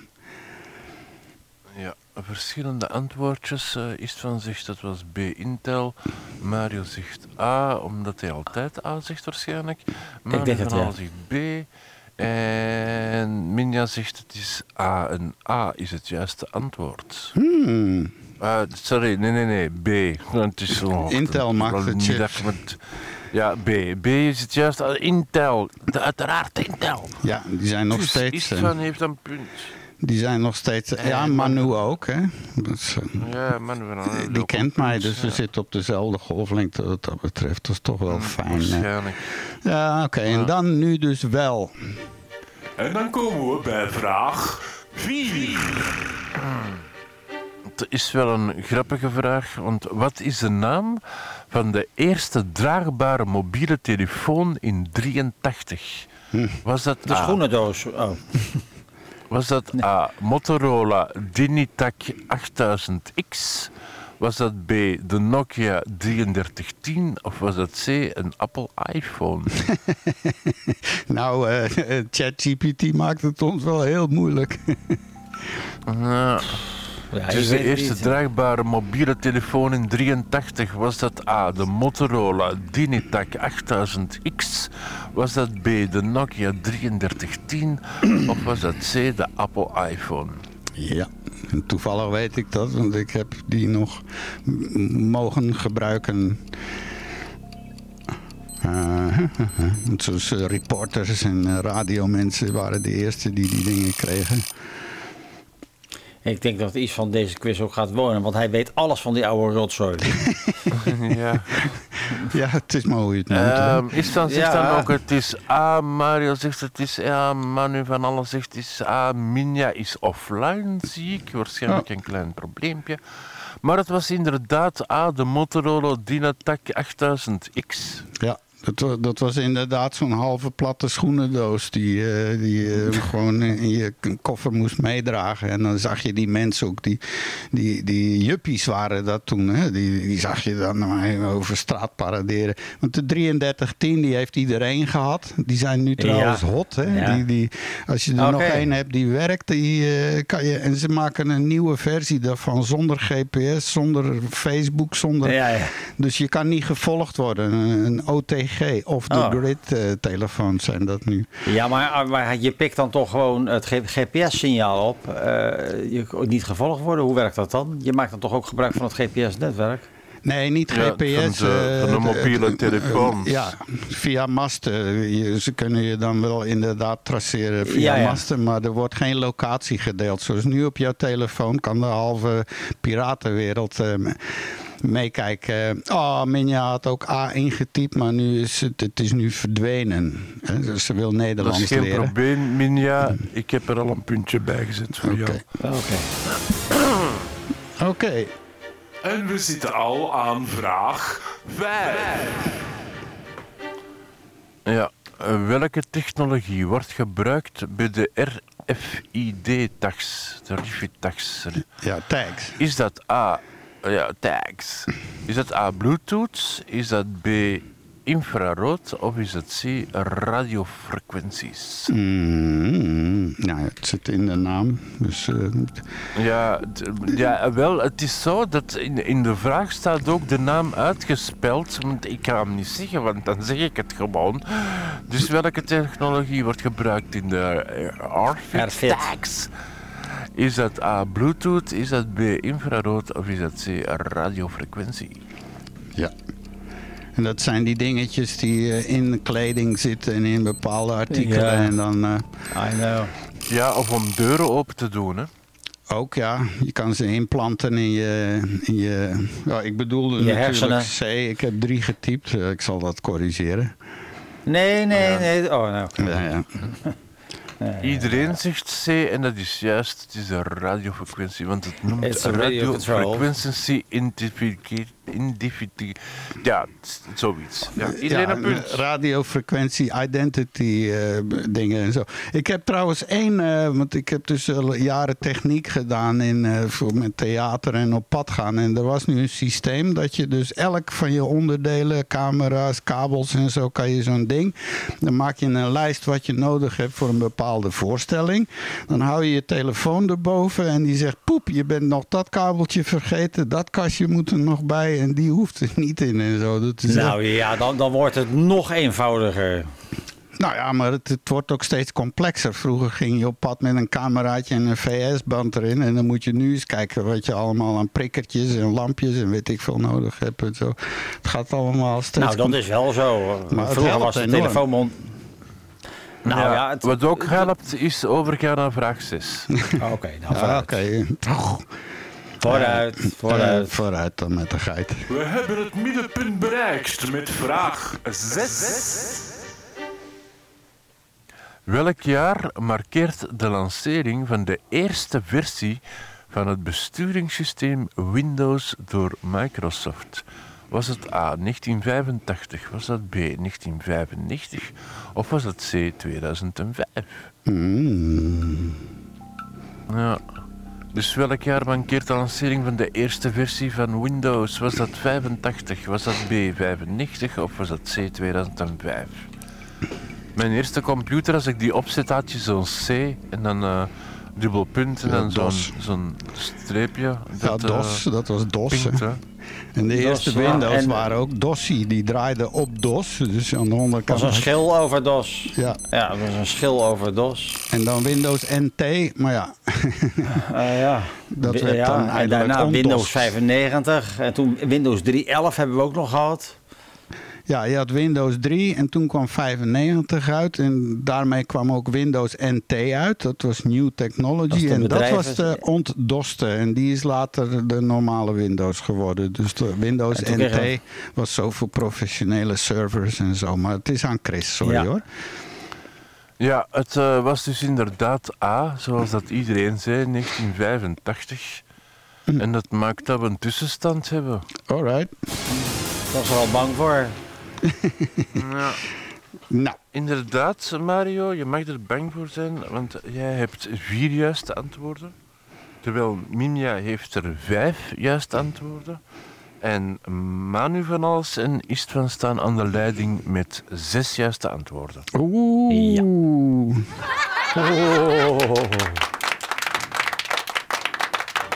En jawel hoor, hier komt vraag 7. Vraag 7, weer voor de nerds onder ons. Wat is de naam van de eerste commercieel beschikbare elektronische rekenmachine? Was dat A, de ENIAC? Was dat B, de Univac 1? Of was dat C, de IBM 650? Eh, ja, dit wordt een, eh, dit Ja. wordt een gokkertje hoor. Eh, Ja.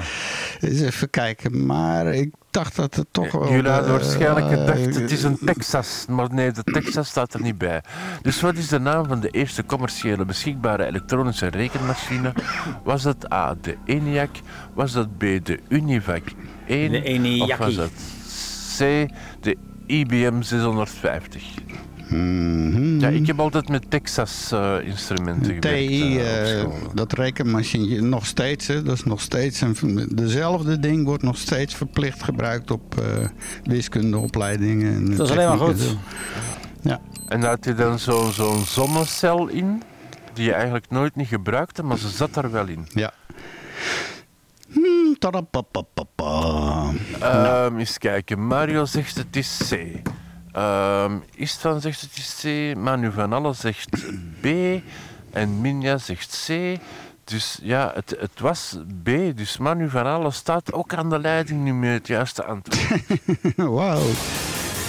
Dus het was de Univac toch? Ik dacht dat IBM... De Univac 1, ja. Ja, oké. Nou, alright. Spannend. Heel, heel typisch. Heel goed. En dan maken we plaats voor vraag 8. Ja, een vraag die Mario zeker zou moeten weten. Welk Oei. bedrijf bracht de eerste consumptiegerichte 3D-printer op de markt in 2009? Was dat A. HP? Was dat B. MakerBot? Of was dat D- C. 3M? Ehm, oké. Dus welk bedrijf bracht de eerste consumptiegerichte 3D-printer op de markt in 2009? Was Ja, dat weet ik nog wel. HP, was dat B, Makerbot en C3M. Heb je er zelfs niet één staan? Had je er geen zo'n... Nee, nee, maar ik ken hem wel. En dat bijzondere van dat ding was dat je kocht hem. En die, eh, het eerste wat dat ding deed was de uiteindelijke versie printen. Ja, die was ontworpen om, om Ja. 3D-printers te printen. Ja, Ja, en dan had je dus een Zodat- grotere printer. ja, en, en- ja, en die kon dan voor iedereen printers printen. Dat was ook een beetje de bedoeling. Dus Mario zegt het is B, de, de Makerbot. Istvan zegt dat ook. Manu van Alle zegt dan het is C3M. En Minja zegt B, het was dus B, de Makerbot. Ja, die ken ik. Ja, ja die was, eh, maar dat was ook van een beetje zo hout en plastic allemaal. Een heel simpel ding. Maar eh, ja, en dan de, de, de, het was heel moeilijk. Vaak moest je vijf, zes keer iets doen. Want dan ging je printen en dan werd je s ochtends wakker. En dan stond daar een soort heel absurd zatkin-achtige constructie die totaal mislukt Ja, was. van- Ja. Zo'n die je dan... open eh, source, hè? Was die niet open source? Die, eh, De software. Niet allemaal, nee. eh, Sommige. Eh, En de, en de, de Creality die doet alles open source. En zo heb je nog een aantal grote bedrijven. Maar de, de, de dure jongens, dat is allemaal... eh, daar kan je niet tussen komen. Dat Dan moet zijn je de- de STL's en, eh, downloaden. hè. Dat zijn die. Ja, dat, nou ja, natuurlijk. het- STL's en OBE's.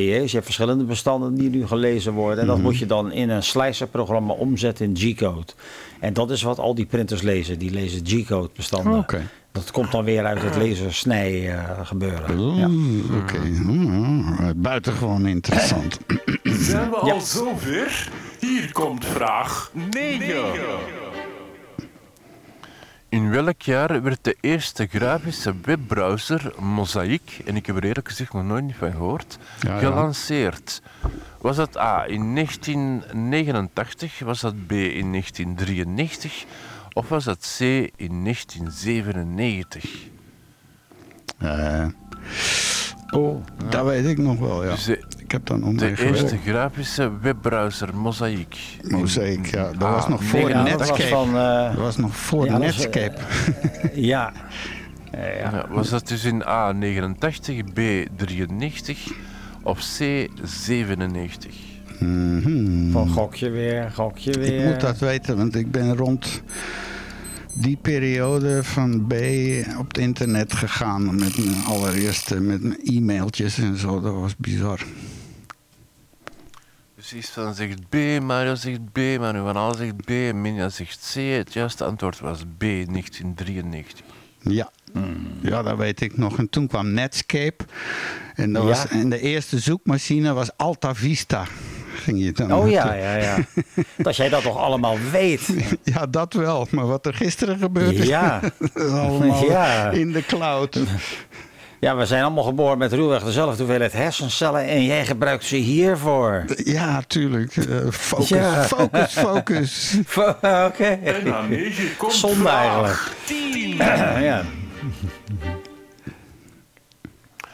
Welke programmeertaal is ontwikkeld door Guido van Rossum en is vaak gebruikt voor webontwikkelingen? Is dat A. Java, is dat B. Python of is dat C. C++? Eh, Oeh, dat is, eh, nou, dat, is, dat, is, dat, is, al- dat is alweer een lastigere. Dus, Ja? Eh, ja. Dus welke programmeertaal is ontwikkeld door Guido van Rossum en is vaak gebruikt voor webontwikkeling?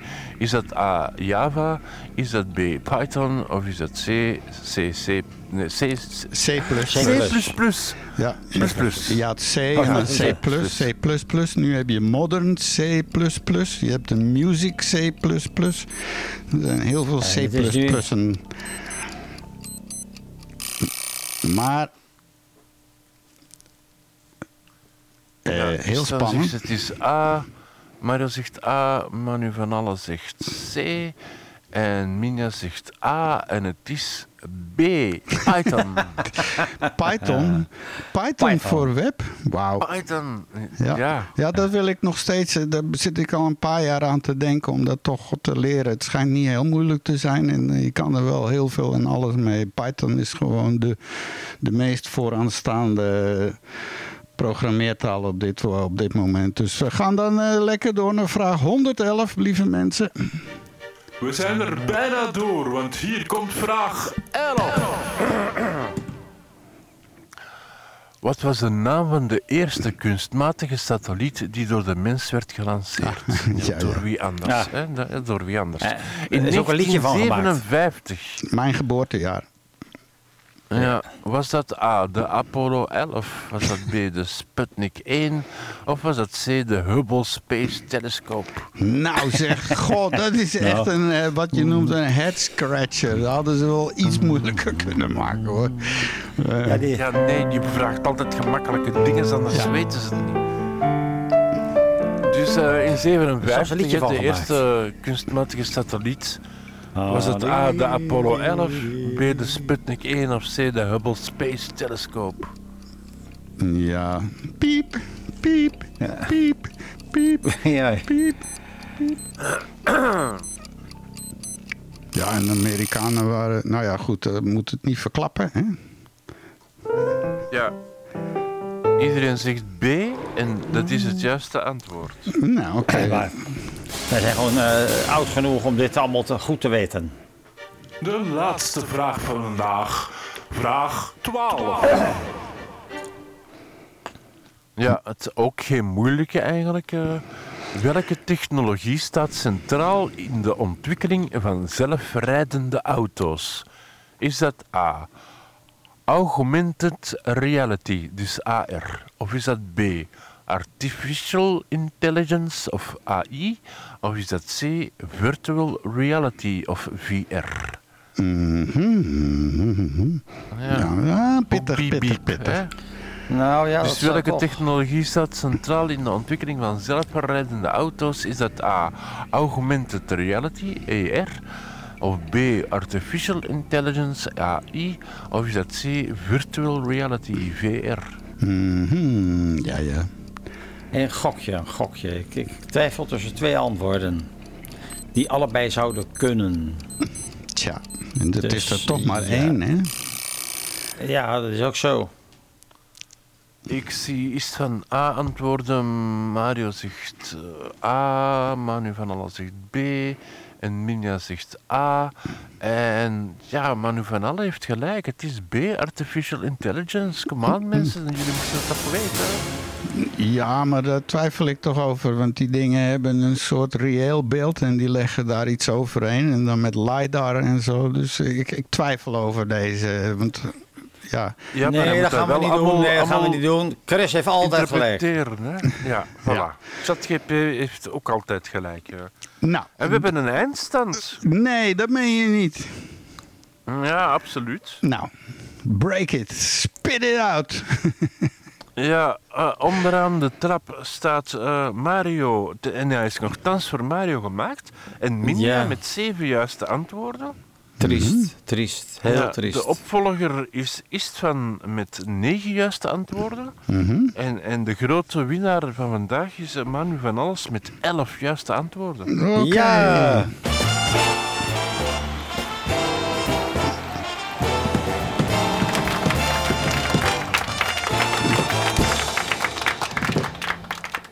Hey, Manu van Halen, goed bezig. Eh, die, die snapt meer dan dat ik dacht, zeg. Wauw, dat is heel, heel straf. Dat verbaast me eigenlijk in positieve zin, laat ik het zo zeggen. Ja, misschien mo- moeten we Manu eens uitnodigen op eh, eh, onze praattafel. Ja, Ja. We, ja, er is wel iets Nou, over te zeggen. Kunnen we nog wat van Ja, leren met z'n allen.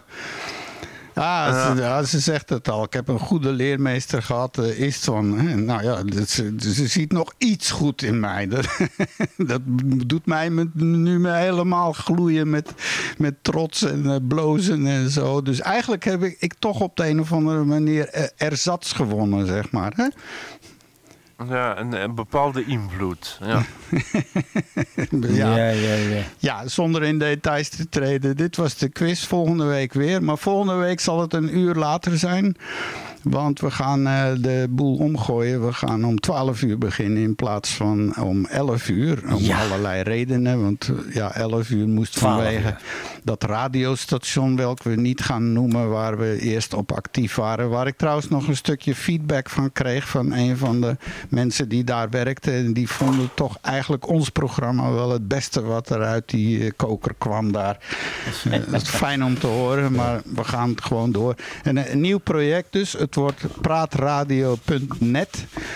Ik ga dat deze week allemaal opstellen en Oh. instellen. Want eh, ja, ik, ik ga gewoon een eigen station beginnen. Ik ben ook nu met de Sabam uitonderhandeld. In de zin van, eh, normaal als je een webradio begint... moet je eh, Sabam, Buma, copyrights betalen voor de muziek en zo. Dus ik heb gezegd, ja, wat Maar, als maar we... kunnen we ons hoofdadres niet in China of Rusland leggen of zo? Dan hoeft dat allemaal niet. Ja, nee, dat hoeft wel hoor, want dat gaat heel de wereld over. Dat doen ze met fingerprint fingerprinting en zo. Ze herkennen elk muziekje. Maar omdat we alleen maar praten, eh, is er geen Sabam. en zolang we maar geen muziekjes gebruiken van mensen die lid zijn van Sabam of een dingen, hoeven we daar geen recht op te betalen. Dus als we tuentjes maken, dan zal dat allemaal moeten gedaan worden zonder mensen die lid zijn van een Buma of een Stemra of een Sabamba of een Gema of zo. Hè?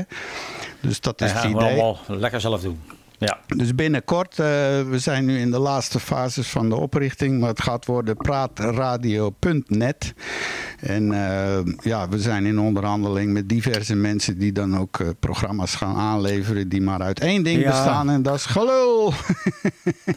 ja, denk aan Trump en Musk en noem maar op. Ze willen ons allemaal, ja. Weg met muziek, weg met al die flauwekul. We gaan breinvoer op u afsturen, 24 op 24 per dag. En je kan dat nu al doen op deze pagina waar je nu bent. Daar brengen we alles samen. De chatroom en de live radio en weet ik het allemaal. Dus praatradio.net. Volg ons op Facebook. En uh, bovendien, ik zou ook nog willen vragen, als er, we zijn heel hard op zoek naar een uh, social media figuur. Iemand die ons kan helpen, want wij zijn geen van allen echt echt grote sterren in, in het social media gebeuren. Dus we zouden enorm geholpen zijn als er iemand die luistert.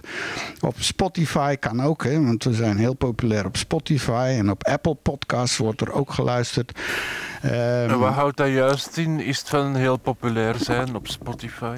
Nou ja, er, wordt goed naar geluisterd enzovoort. En we krijgen. En hebben we daar een cijfer van?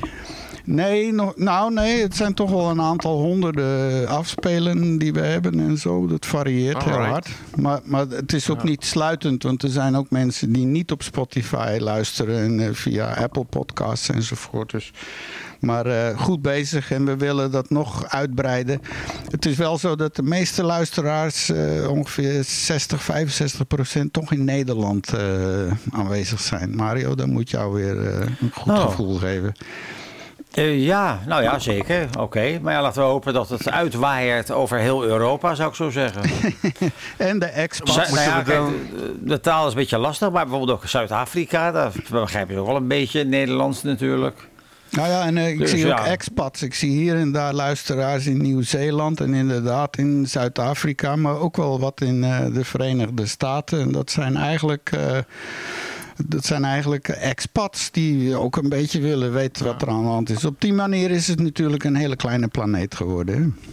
Ja, nou is van, moeten we onze taal dan een beetje aanpassen aan, aan de luisteraars. en onze Antwerpse nou, klanken een beetje verdoezelen. Ja, jij wel. Antwerps, Antwerps. ik kon het niet.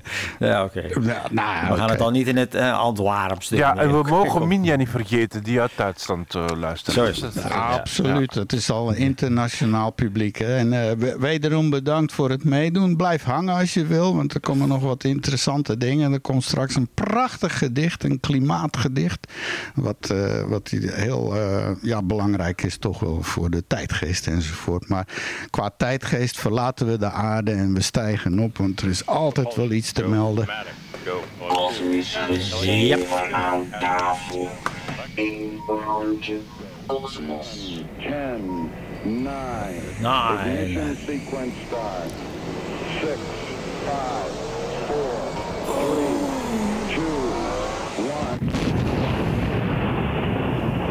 Oeh, dat kwam een beetje hard binnen. Maar ja, zo moet het ook. De lanceringen vliegen ons om de oog. Uh, SpaceX die lanceerde twee raketten binnen, twee, binnen drie uur tijd. Met nog meer van die Starlink-satellietjes. Er zijn er niet genoeg natuurlijk. Uh, ja, dus we zijn in het kosmosblokje beland. Hè? Want kosmos vinden we altijd heel leuk. Dat was vanaf mijn, uh, vanaf mijn jeugd al uh, was ik overladen met wetenschap, wereld van wetenschap, de, de, planeten, de dingen. Maar niks daarvan is nu waar.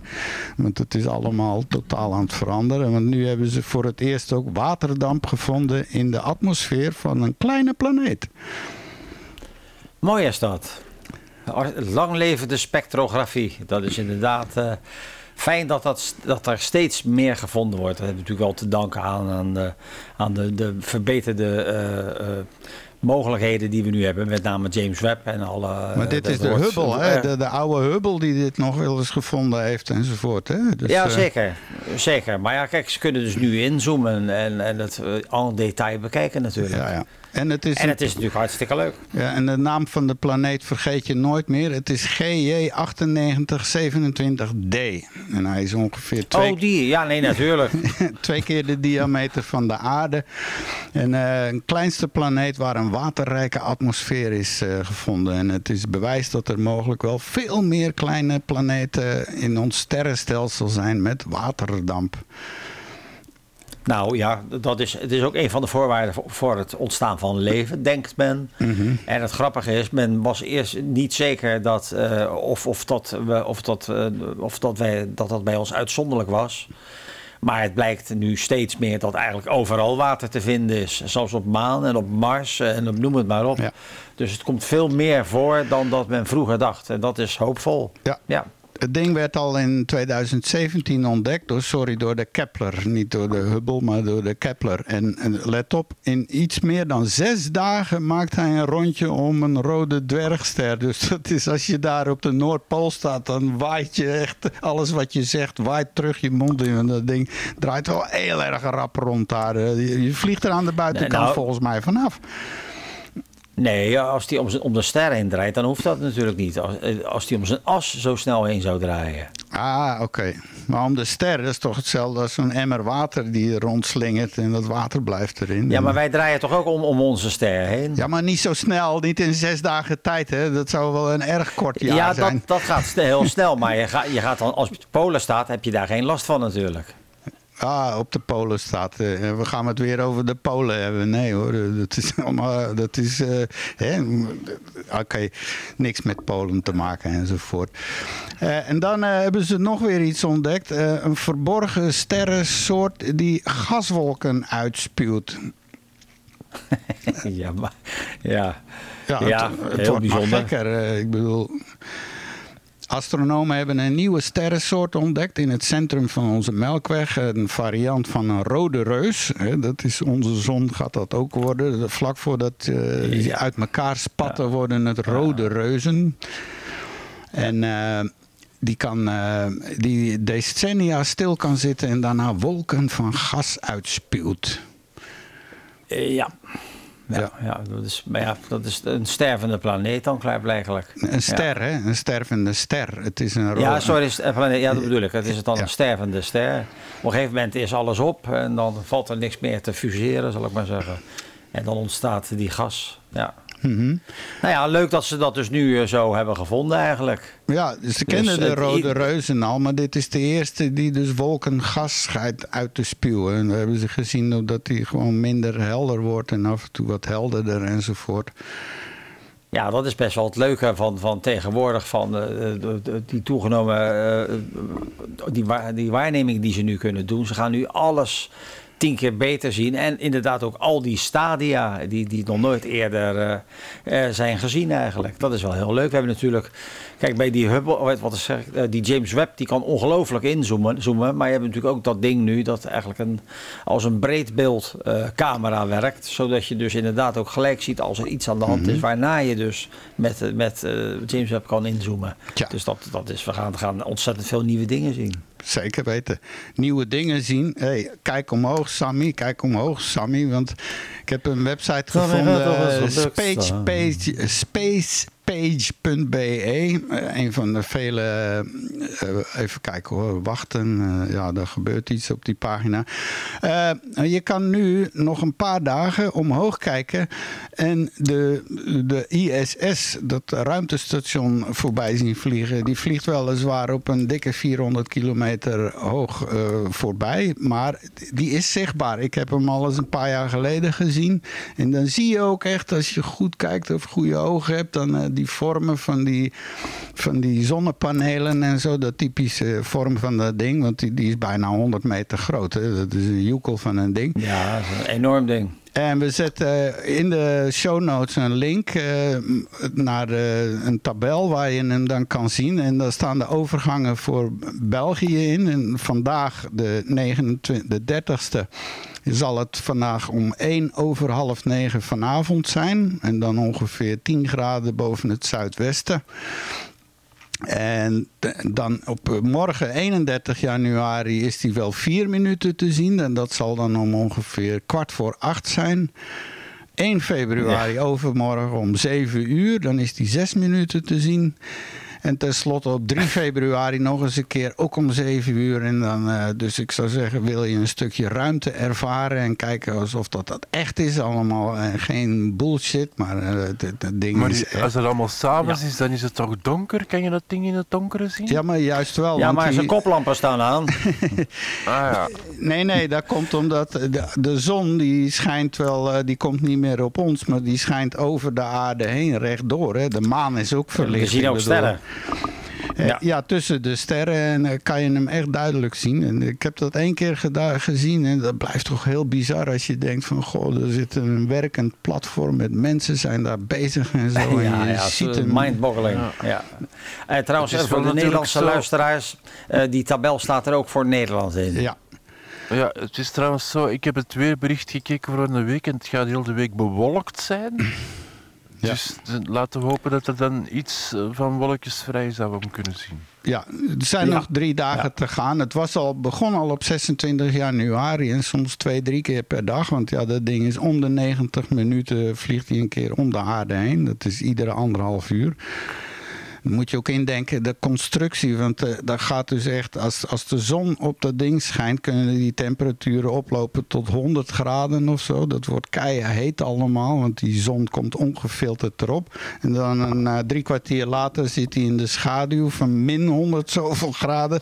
Dus bedenk maar onvoorstelbaar. om dingen te bouwen die dat eh, allemaal kunnen Ja. zonder te kraken. En, ik weet niet Ja, je trouwens. moet materialen vinden, vinden die geen eh, uitzettingscoëfficiënt hebben. Ja. Dus dan kom je, eh, ja, dat is ontzettend moeilijk. Ja, keramiek en zo. En, eh, ja. Tja, en Heel ik heb- ingewikkeld lijkt me dat. Ja, en ik heb trouwens een test gezien. Dat is een bedrijf in Amerika. Die zijn bezig met een nieuwe module. Die willen daar ook hotels maken in ruimte enzovoort. Gaat binnenkort opblaasbaar.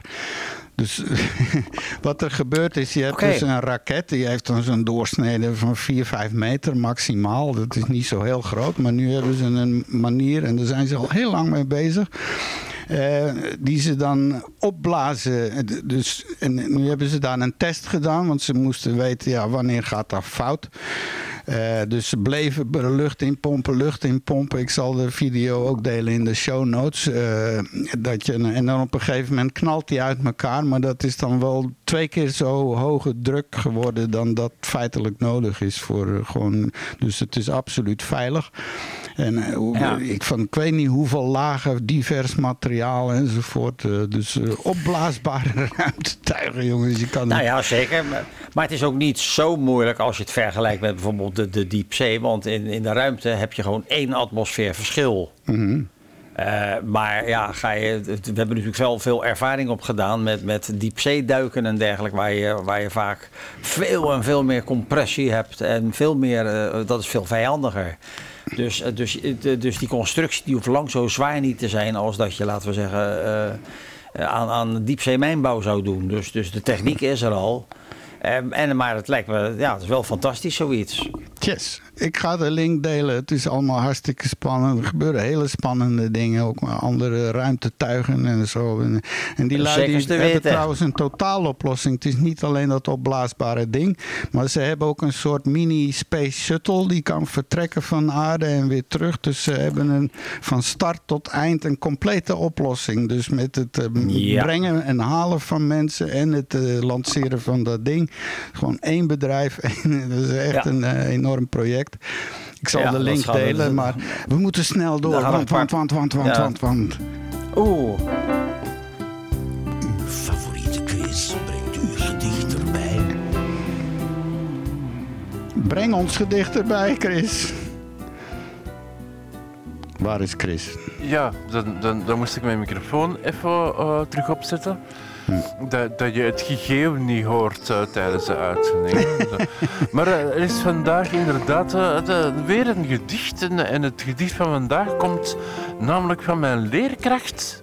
Literair schrijven, Moja de Feiteren. En ze is een klimaatdichtster. Dus ze heeft dat eh, eh, opgericht omdat ze het nodig vond dat ook de- als zij, ze, ze, is- ze, ze noemt haar niet echt activist, maar ze doet het eh, met, met poëzie. En er was onlangs een, een, een artikeltje over haar verschenen en, en eh, achteraan dat artikel stond dit gedicht. En ik dacht, weet je waarom niet eigenlijk? We hebben allemaal wel eens een modern gedicht, een, vers modern gedicht nodig, dat, dat is niet rijmt eh, eh, over het klimaat. En het wordt zoals steeds ontzettend mooi begeleid door Mario eh, vanuit Rotterdam aan zijn vleugelpiano.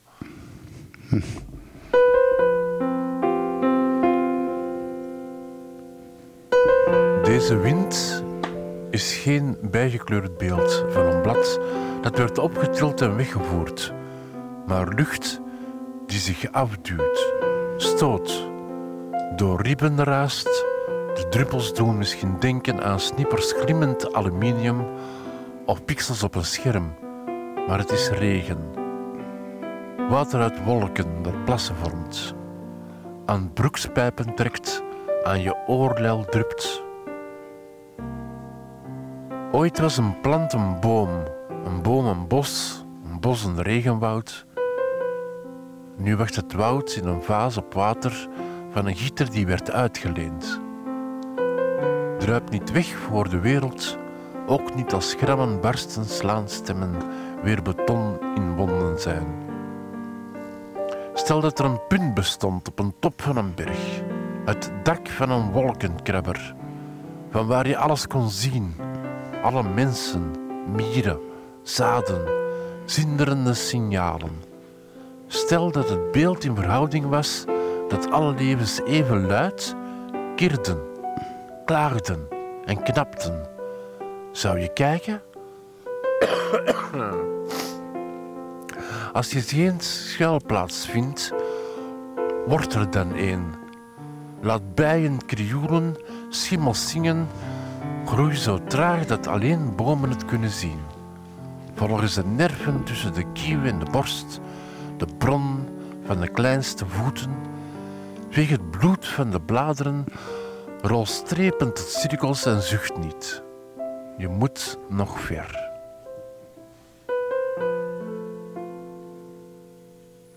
Welkom aan de praattafel. Uw wekelijkse afspraak voor een goed gesprek. En het goede gesprek van eh, deze keer eindigt. eh, ik vond het wel een heel mooi gedicht, moet ik zeggen. Ik vind het wel. eh, Nou, zeker. Ja, ja, ja. Ja. Zeer smaakvol hoor, toch wel. Ook al rijmt het niet. En weet ik zeker. het. Nee. Ja, maar dat hoeft tegenwoordig. Het is zelfs zo dat als je rijmt, dat wordt een beetje bestempeld als ouderwets. Ja. Ja. Hey, Poëziealbum eh, rijmpjes. Kleuterrijmpjes. ja. En we eindigen met een blokje goed nieuws, want we willen toch een beetje de positieve noot eh, als eindingrediënt doen. Dat iedereen toch met een beetje fijn gevoel afscheid neemt. En wat blijkt nu? Er is ineens goednieuws.be, er is goed nieuws eh, sectie op VRT Nieuws. En eh, ze hebben ons gehoord gewoon. Men, men heeft gewoon, en, en ook BBC heeft nu een Global News podcast, hun vaste nieuwsuitzending, is op zaterdag de Good Dus allemaal positieve berichten. Hey, hey, hey, Mens- zijn- Mensen snakken naar goed nieuws. Na, na al die ellende in de wereld vandaag de dag. Eindelijk En weer. gaan we dan vandaag ons best doen om het er ook effectief goed uit te laten komen? Nou, we gaan een poging wagen, want meestal lukt dat niet. Maar we gaan een poging Ja, soms- wagen. Eh, het Ja, valt ook niet mee. Nou ja, laten we eens beginnen met... We hadden een tijd geleden met die penguins... die, eh, die in de problemen zaten op Antarctica enzovoort. Eh, maar Ja. het zijn nu zijn er nieuwe kolonies ontdekt op... eh, onderzoekers van de University of Cambridge in Engeland... hebben nieuwe kolonies van keizerpenguins op Antarctica ontdekt. En die bestaan uit zo'n dikke half miljoen vogels. dat is Zo. gewoon een plaag. Ja, ja, ja, maar ja, goed. Ja, dat, Ja. dat is heel bizar. Het aantal broedplaatsen is nu 66 stuks. En daarmee denken ze alle broedparen ter wereld te hebben gevonden. En eh, vier nieuwe kolonies liggen op zo'n 250 kilometer van elkaar. Dus, eh, en, en dat gaat met satellieten. hè, hebben ze- kunnen ze dat vinden. En het mooie is, ze kunnen het zien omdat die poep van die pinguïns zo duidelijk afsteekt van dat witte ijs dat je het vanaf de ruimte kunt. Dus je kan niet alleen de, de Chinese muur zien vanuit de ruimte, maar ook pinguïnpoep. Nooit Ja. geweten. Ja, dat, dat, eh, die, die, die, die legende van die Chinese muur is trouwens ontkracht. Hè. Dat is gewoon helemaal niet Nee, waar. nee, dat bleek gewoon pinguïnpoep te zijn. Ja, en we hebben het al eens in Ja, een hele vorige show. Dan moet ik eens even gaan graven. Want in een vorige show hebben we het al eens een keer over die. eh, die Pinguïnpoep? ja, dat, dat was toch een van de vragen. Vraattafel 149b, moet ik even kijken. Daar was iets van. even eh, penguins. Want dat was een blokje. Ja, dat ging over het ijs. Hoeveel eh, poep zit er in het ijs? Of nee, dat was urine, dacht ik, eh, ging het over, niet? Ja, of dat, ze- of dat ze plassen enzovoort, eh, dacht ik. Ja. Oh, dat weet Ook ik, al, ja. Vaag, vaag, ja. Maar ja, eh, de- toen was er nog een L en dat was een aflevering in, eh, moet ik even kijken hoor, waar was het? Eh, ja, 26 september was het nog slecht nieuws. Massa sterfte onder, pinguïns dreigt door vogelgriep. Zijn ze nog te redden? Maar nu, eh, nu is dat omgekeerd hè? Ja, maar ja, kijk, wacht even. Ik moet nog even zien of zo'n nieuwe kolonie aanslaat. Hè. Dat dus, eh, eh, laten we het even wachten. Nou, een half miljoen dit. beesten. Ik bedoel, eh, Nou ja, kijk, je ziet dat in één keer een, een hele groep is uit, bijna is uitgestorven. Omdat de kuikens geen, niet meer op het ijs konden staan. En dus in met hun dons in het water terechtkomen. En dus overleden aan de kou. Ze moeten dus een zekere tijd doorbrengen totdat hun veren gevormd zijn en ze waterdicht zijn. Dus, dus, dat, ja, dus als het ijs verdwijnt, dan gaan gewoon die pinguïns de pijp uit. Tja. Die verzuipen dan letterlijk.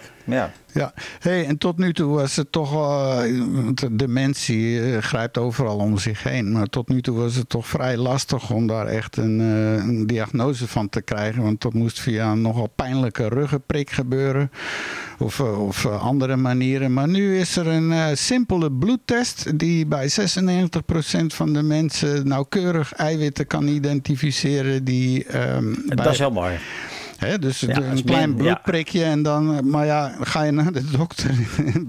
ja, dat is dan die vraag van, zou je dat nu, hè, geen van ons drieën denk ik dat we daar nu last van hebben, maar zou je dat nu, dat je nog bij gezond verstand Als je het wil bent, weten. willen Maar weten? Is dat ook niet erfelijk? Is dat niet erfelijk, eh, Nee. dementie? En Nee. Alzheimer?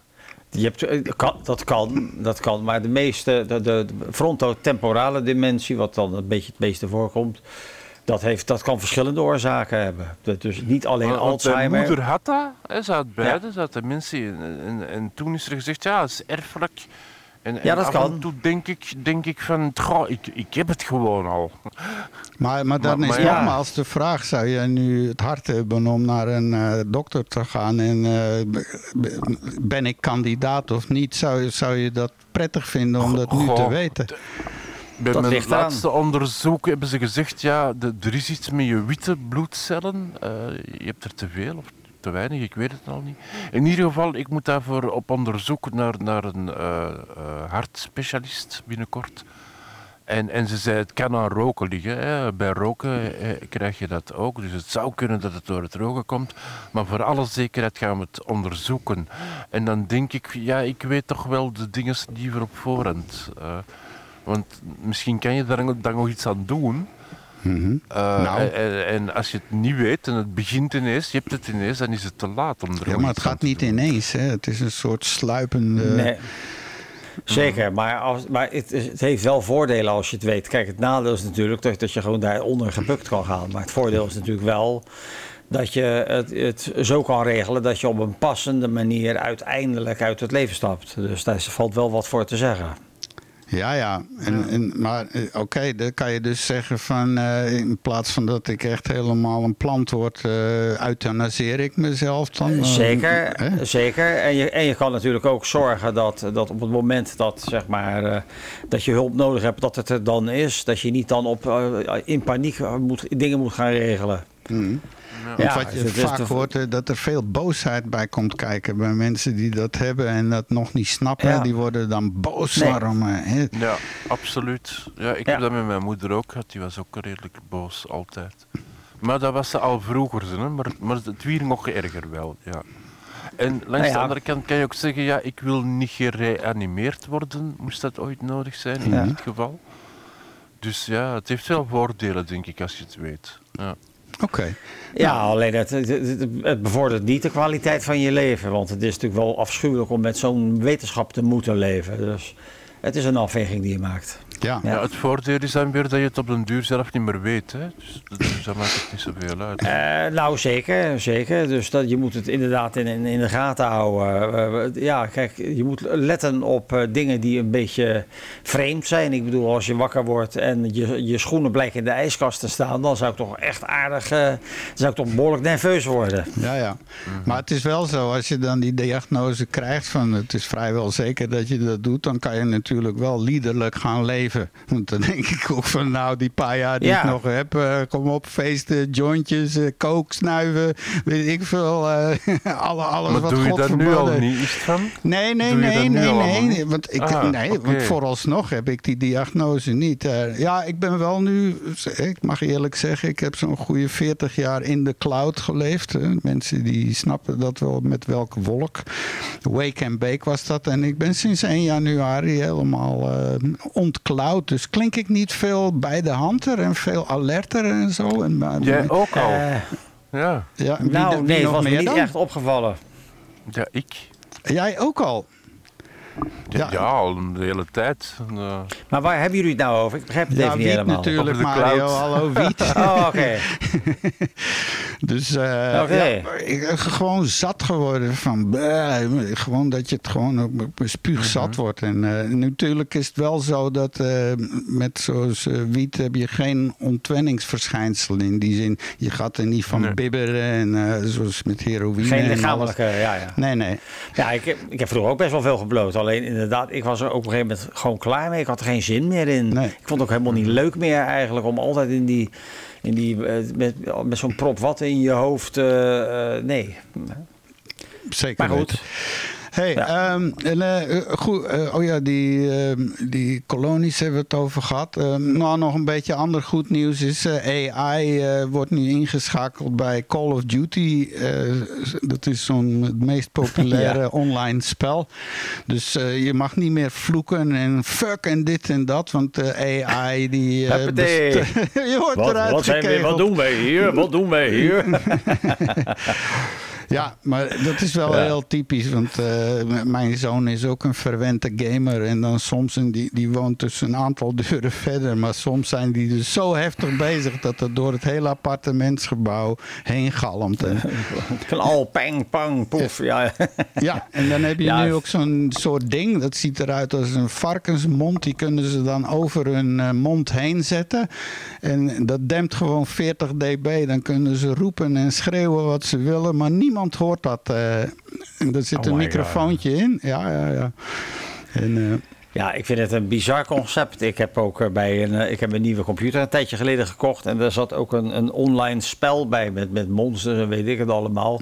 Dus ik heb dat even geprobeerd. Maar je zit dus inderdaad, je bent verbonden met, met andere mensen die in jouw team zitten en zo. En eh, ik vind dat toch wel een hele, hele bizarre techniek eigenlijk.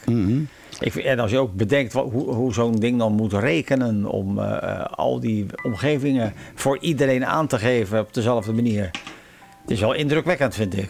ja, zeker. Ik heb laatst ook zo'n videootje gekeken over hoe videokaarten eigenlijk werken en zo. Dat is ook wel een bizarre bizar. technologie, hoe dat allemaal... En die dingen worden... Het wordt steeds realistischer, steeds sneller Ja. en zo. En, En dingen als mist en regen en het is allemaal, het klopt ook. En ik vind het toch wel verbazingwekkend. Ja. Ik ben niet echt een gamer, maar ik vind die eh, techniek wel heel bijzonder. Ja, ik heb een video gezien. Dat was een demo van een nieuw platform om games om te maken. Je hebt nu eh, Unity en eh, er is nog zo'n andere Unreal Engine. Daar worden dus games op Oh ja. gebouwd. Maar er is Oh nu ja. een nieuwe. Dat is, eh, ik geloof Starlink dat dat heet. En, en daar kan je dus een heel spel en een hele omgeving, maar op kosmische schaal. Je kan opstijgen van de aarde en dan een paar lichtjaar verder en op een andere planeet landen met een compleet planetair wolken- en weersysteem en natuur. Bizar.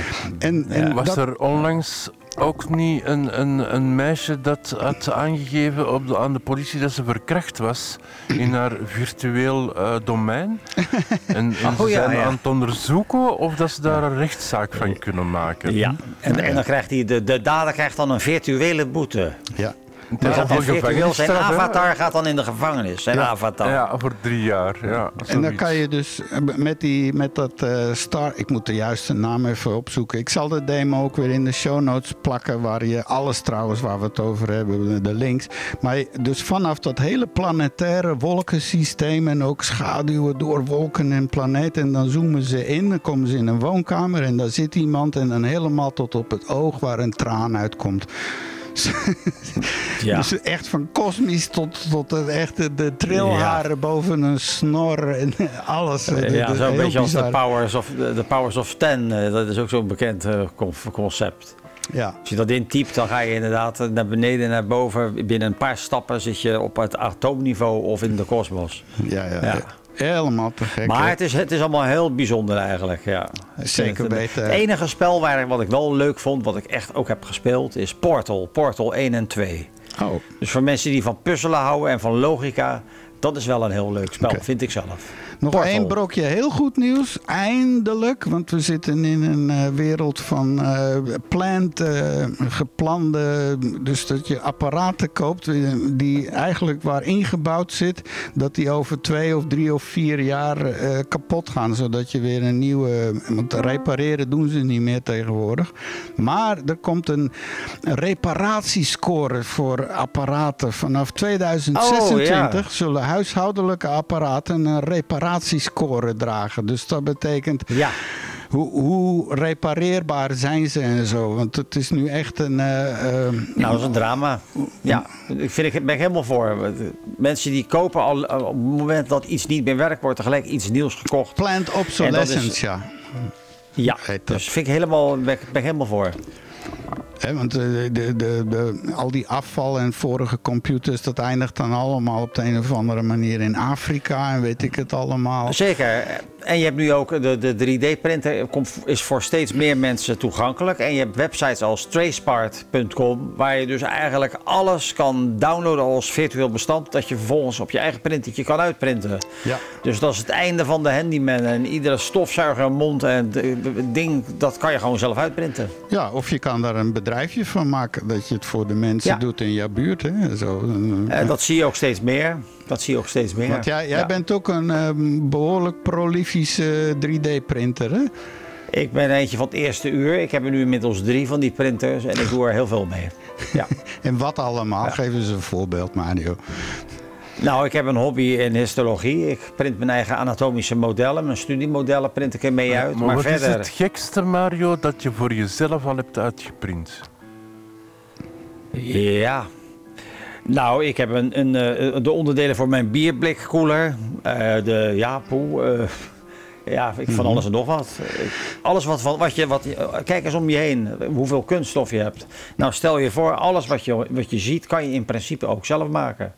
Tja, Dus je hebt een bierprintkoeler uitgeprint? Allee, een, Een bierblikkoeler, ja, een die heb ik helemaal... Ja. Met een piepkleine, met een Peltier-element en een eh, labvoeding. En, hij kan, eh, hij, kan dus, werkt. hij kan dus gewoon de volgende Bill Gates worden met zulke uitvindingen. Maar Mario heeft geen zakelijk instinct, Chris. Dat, eh, Nee, nee, Ja. nee, nee. Maar is dan, weet je al als je jarig bent wat je volgende cadeau is?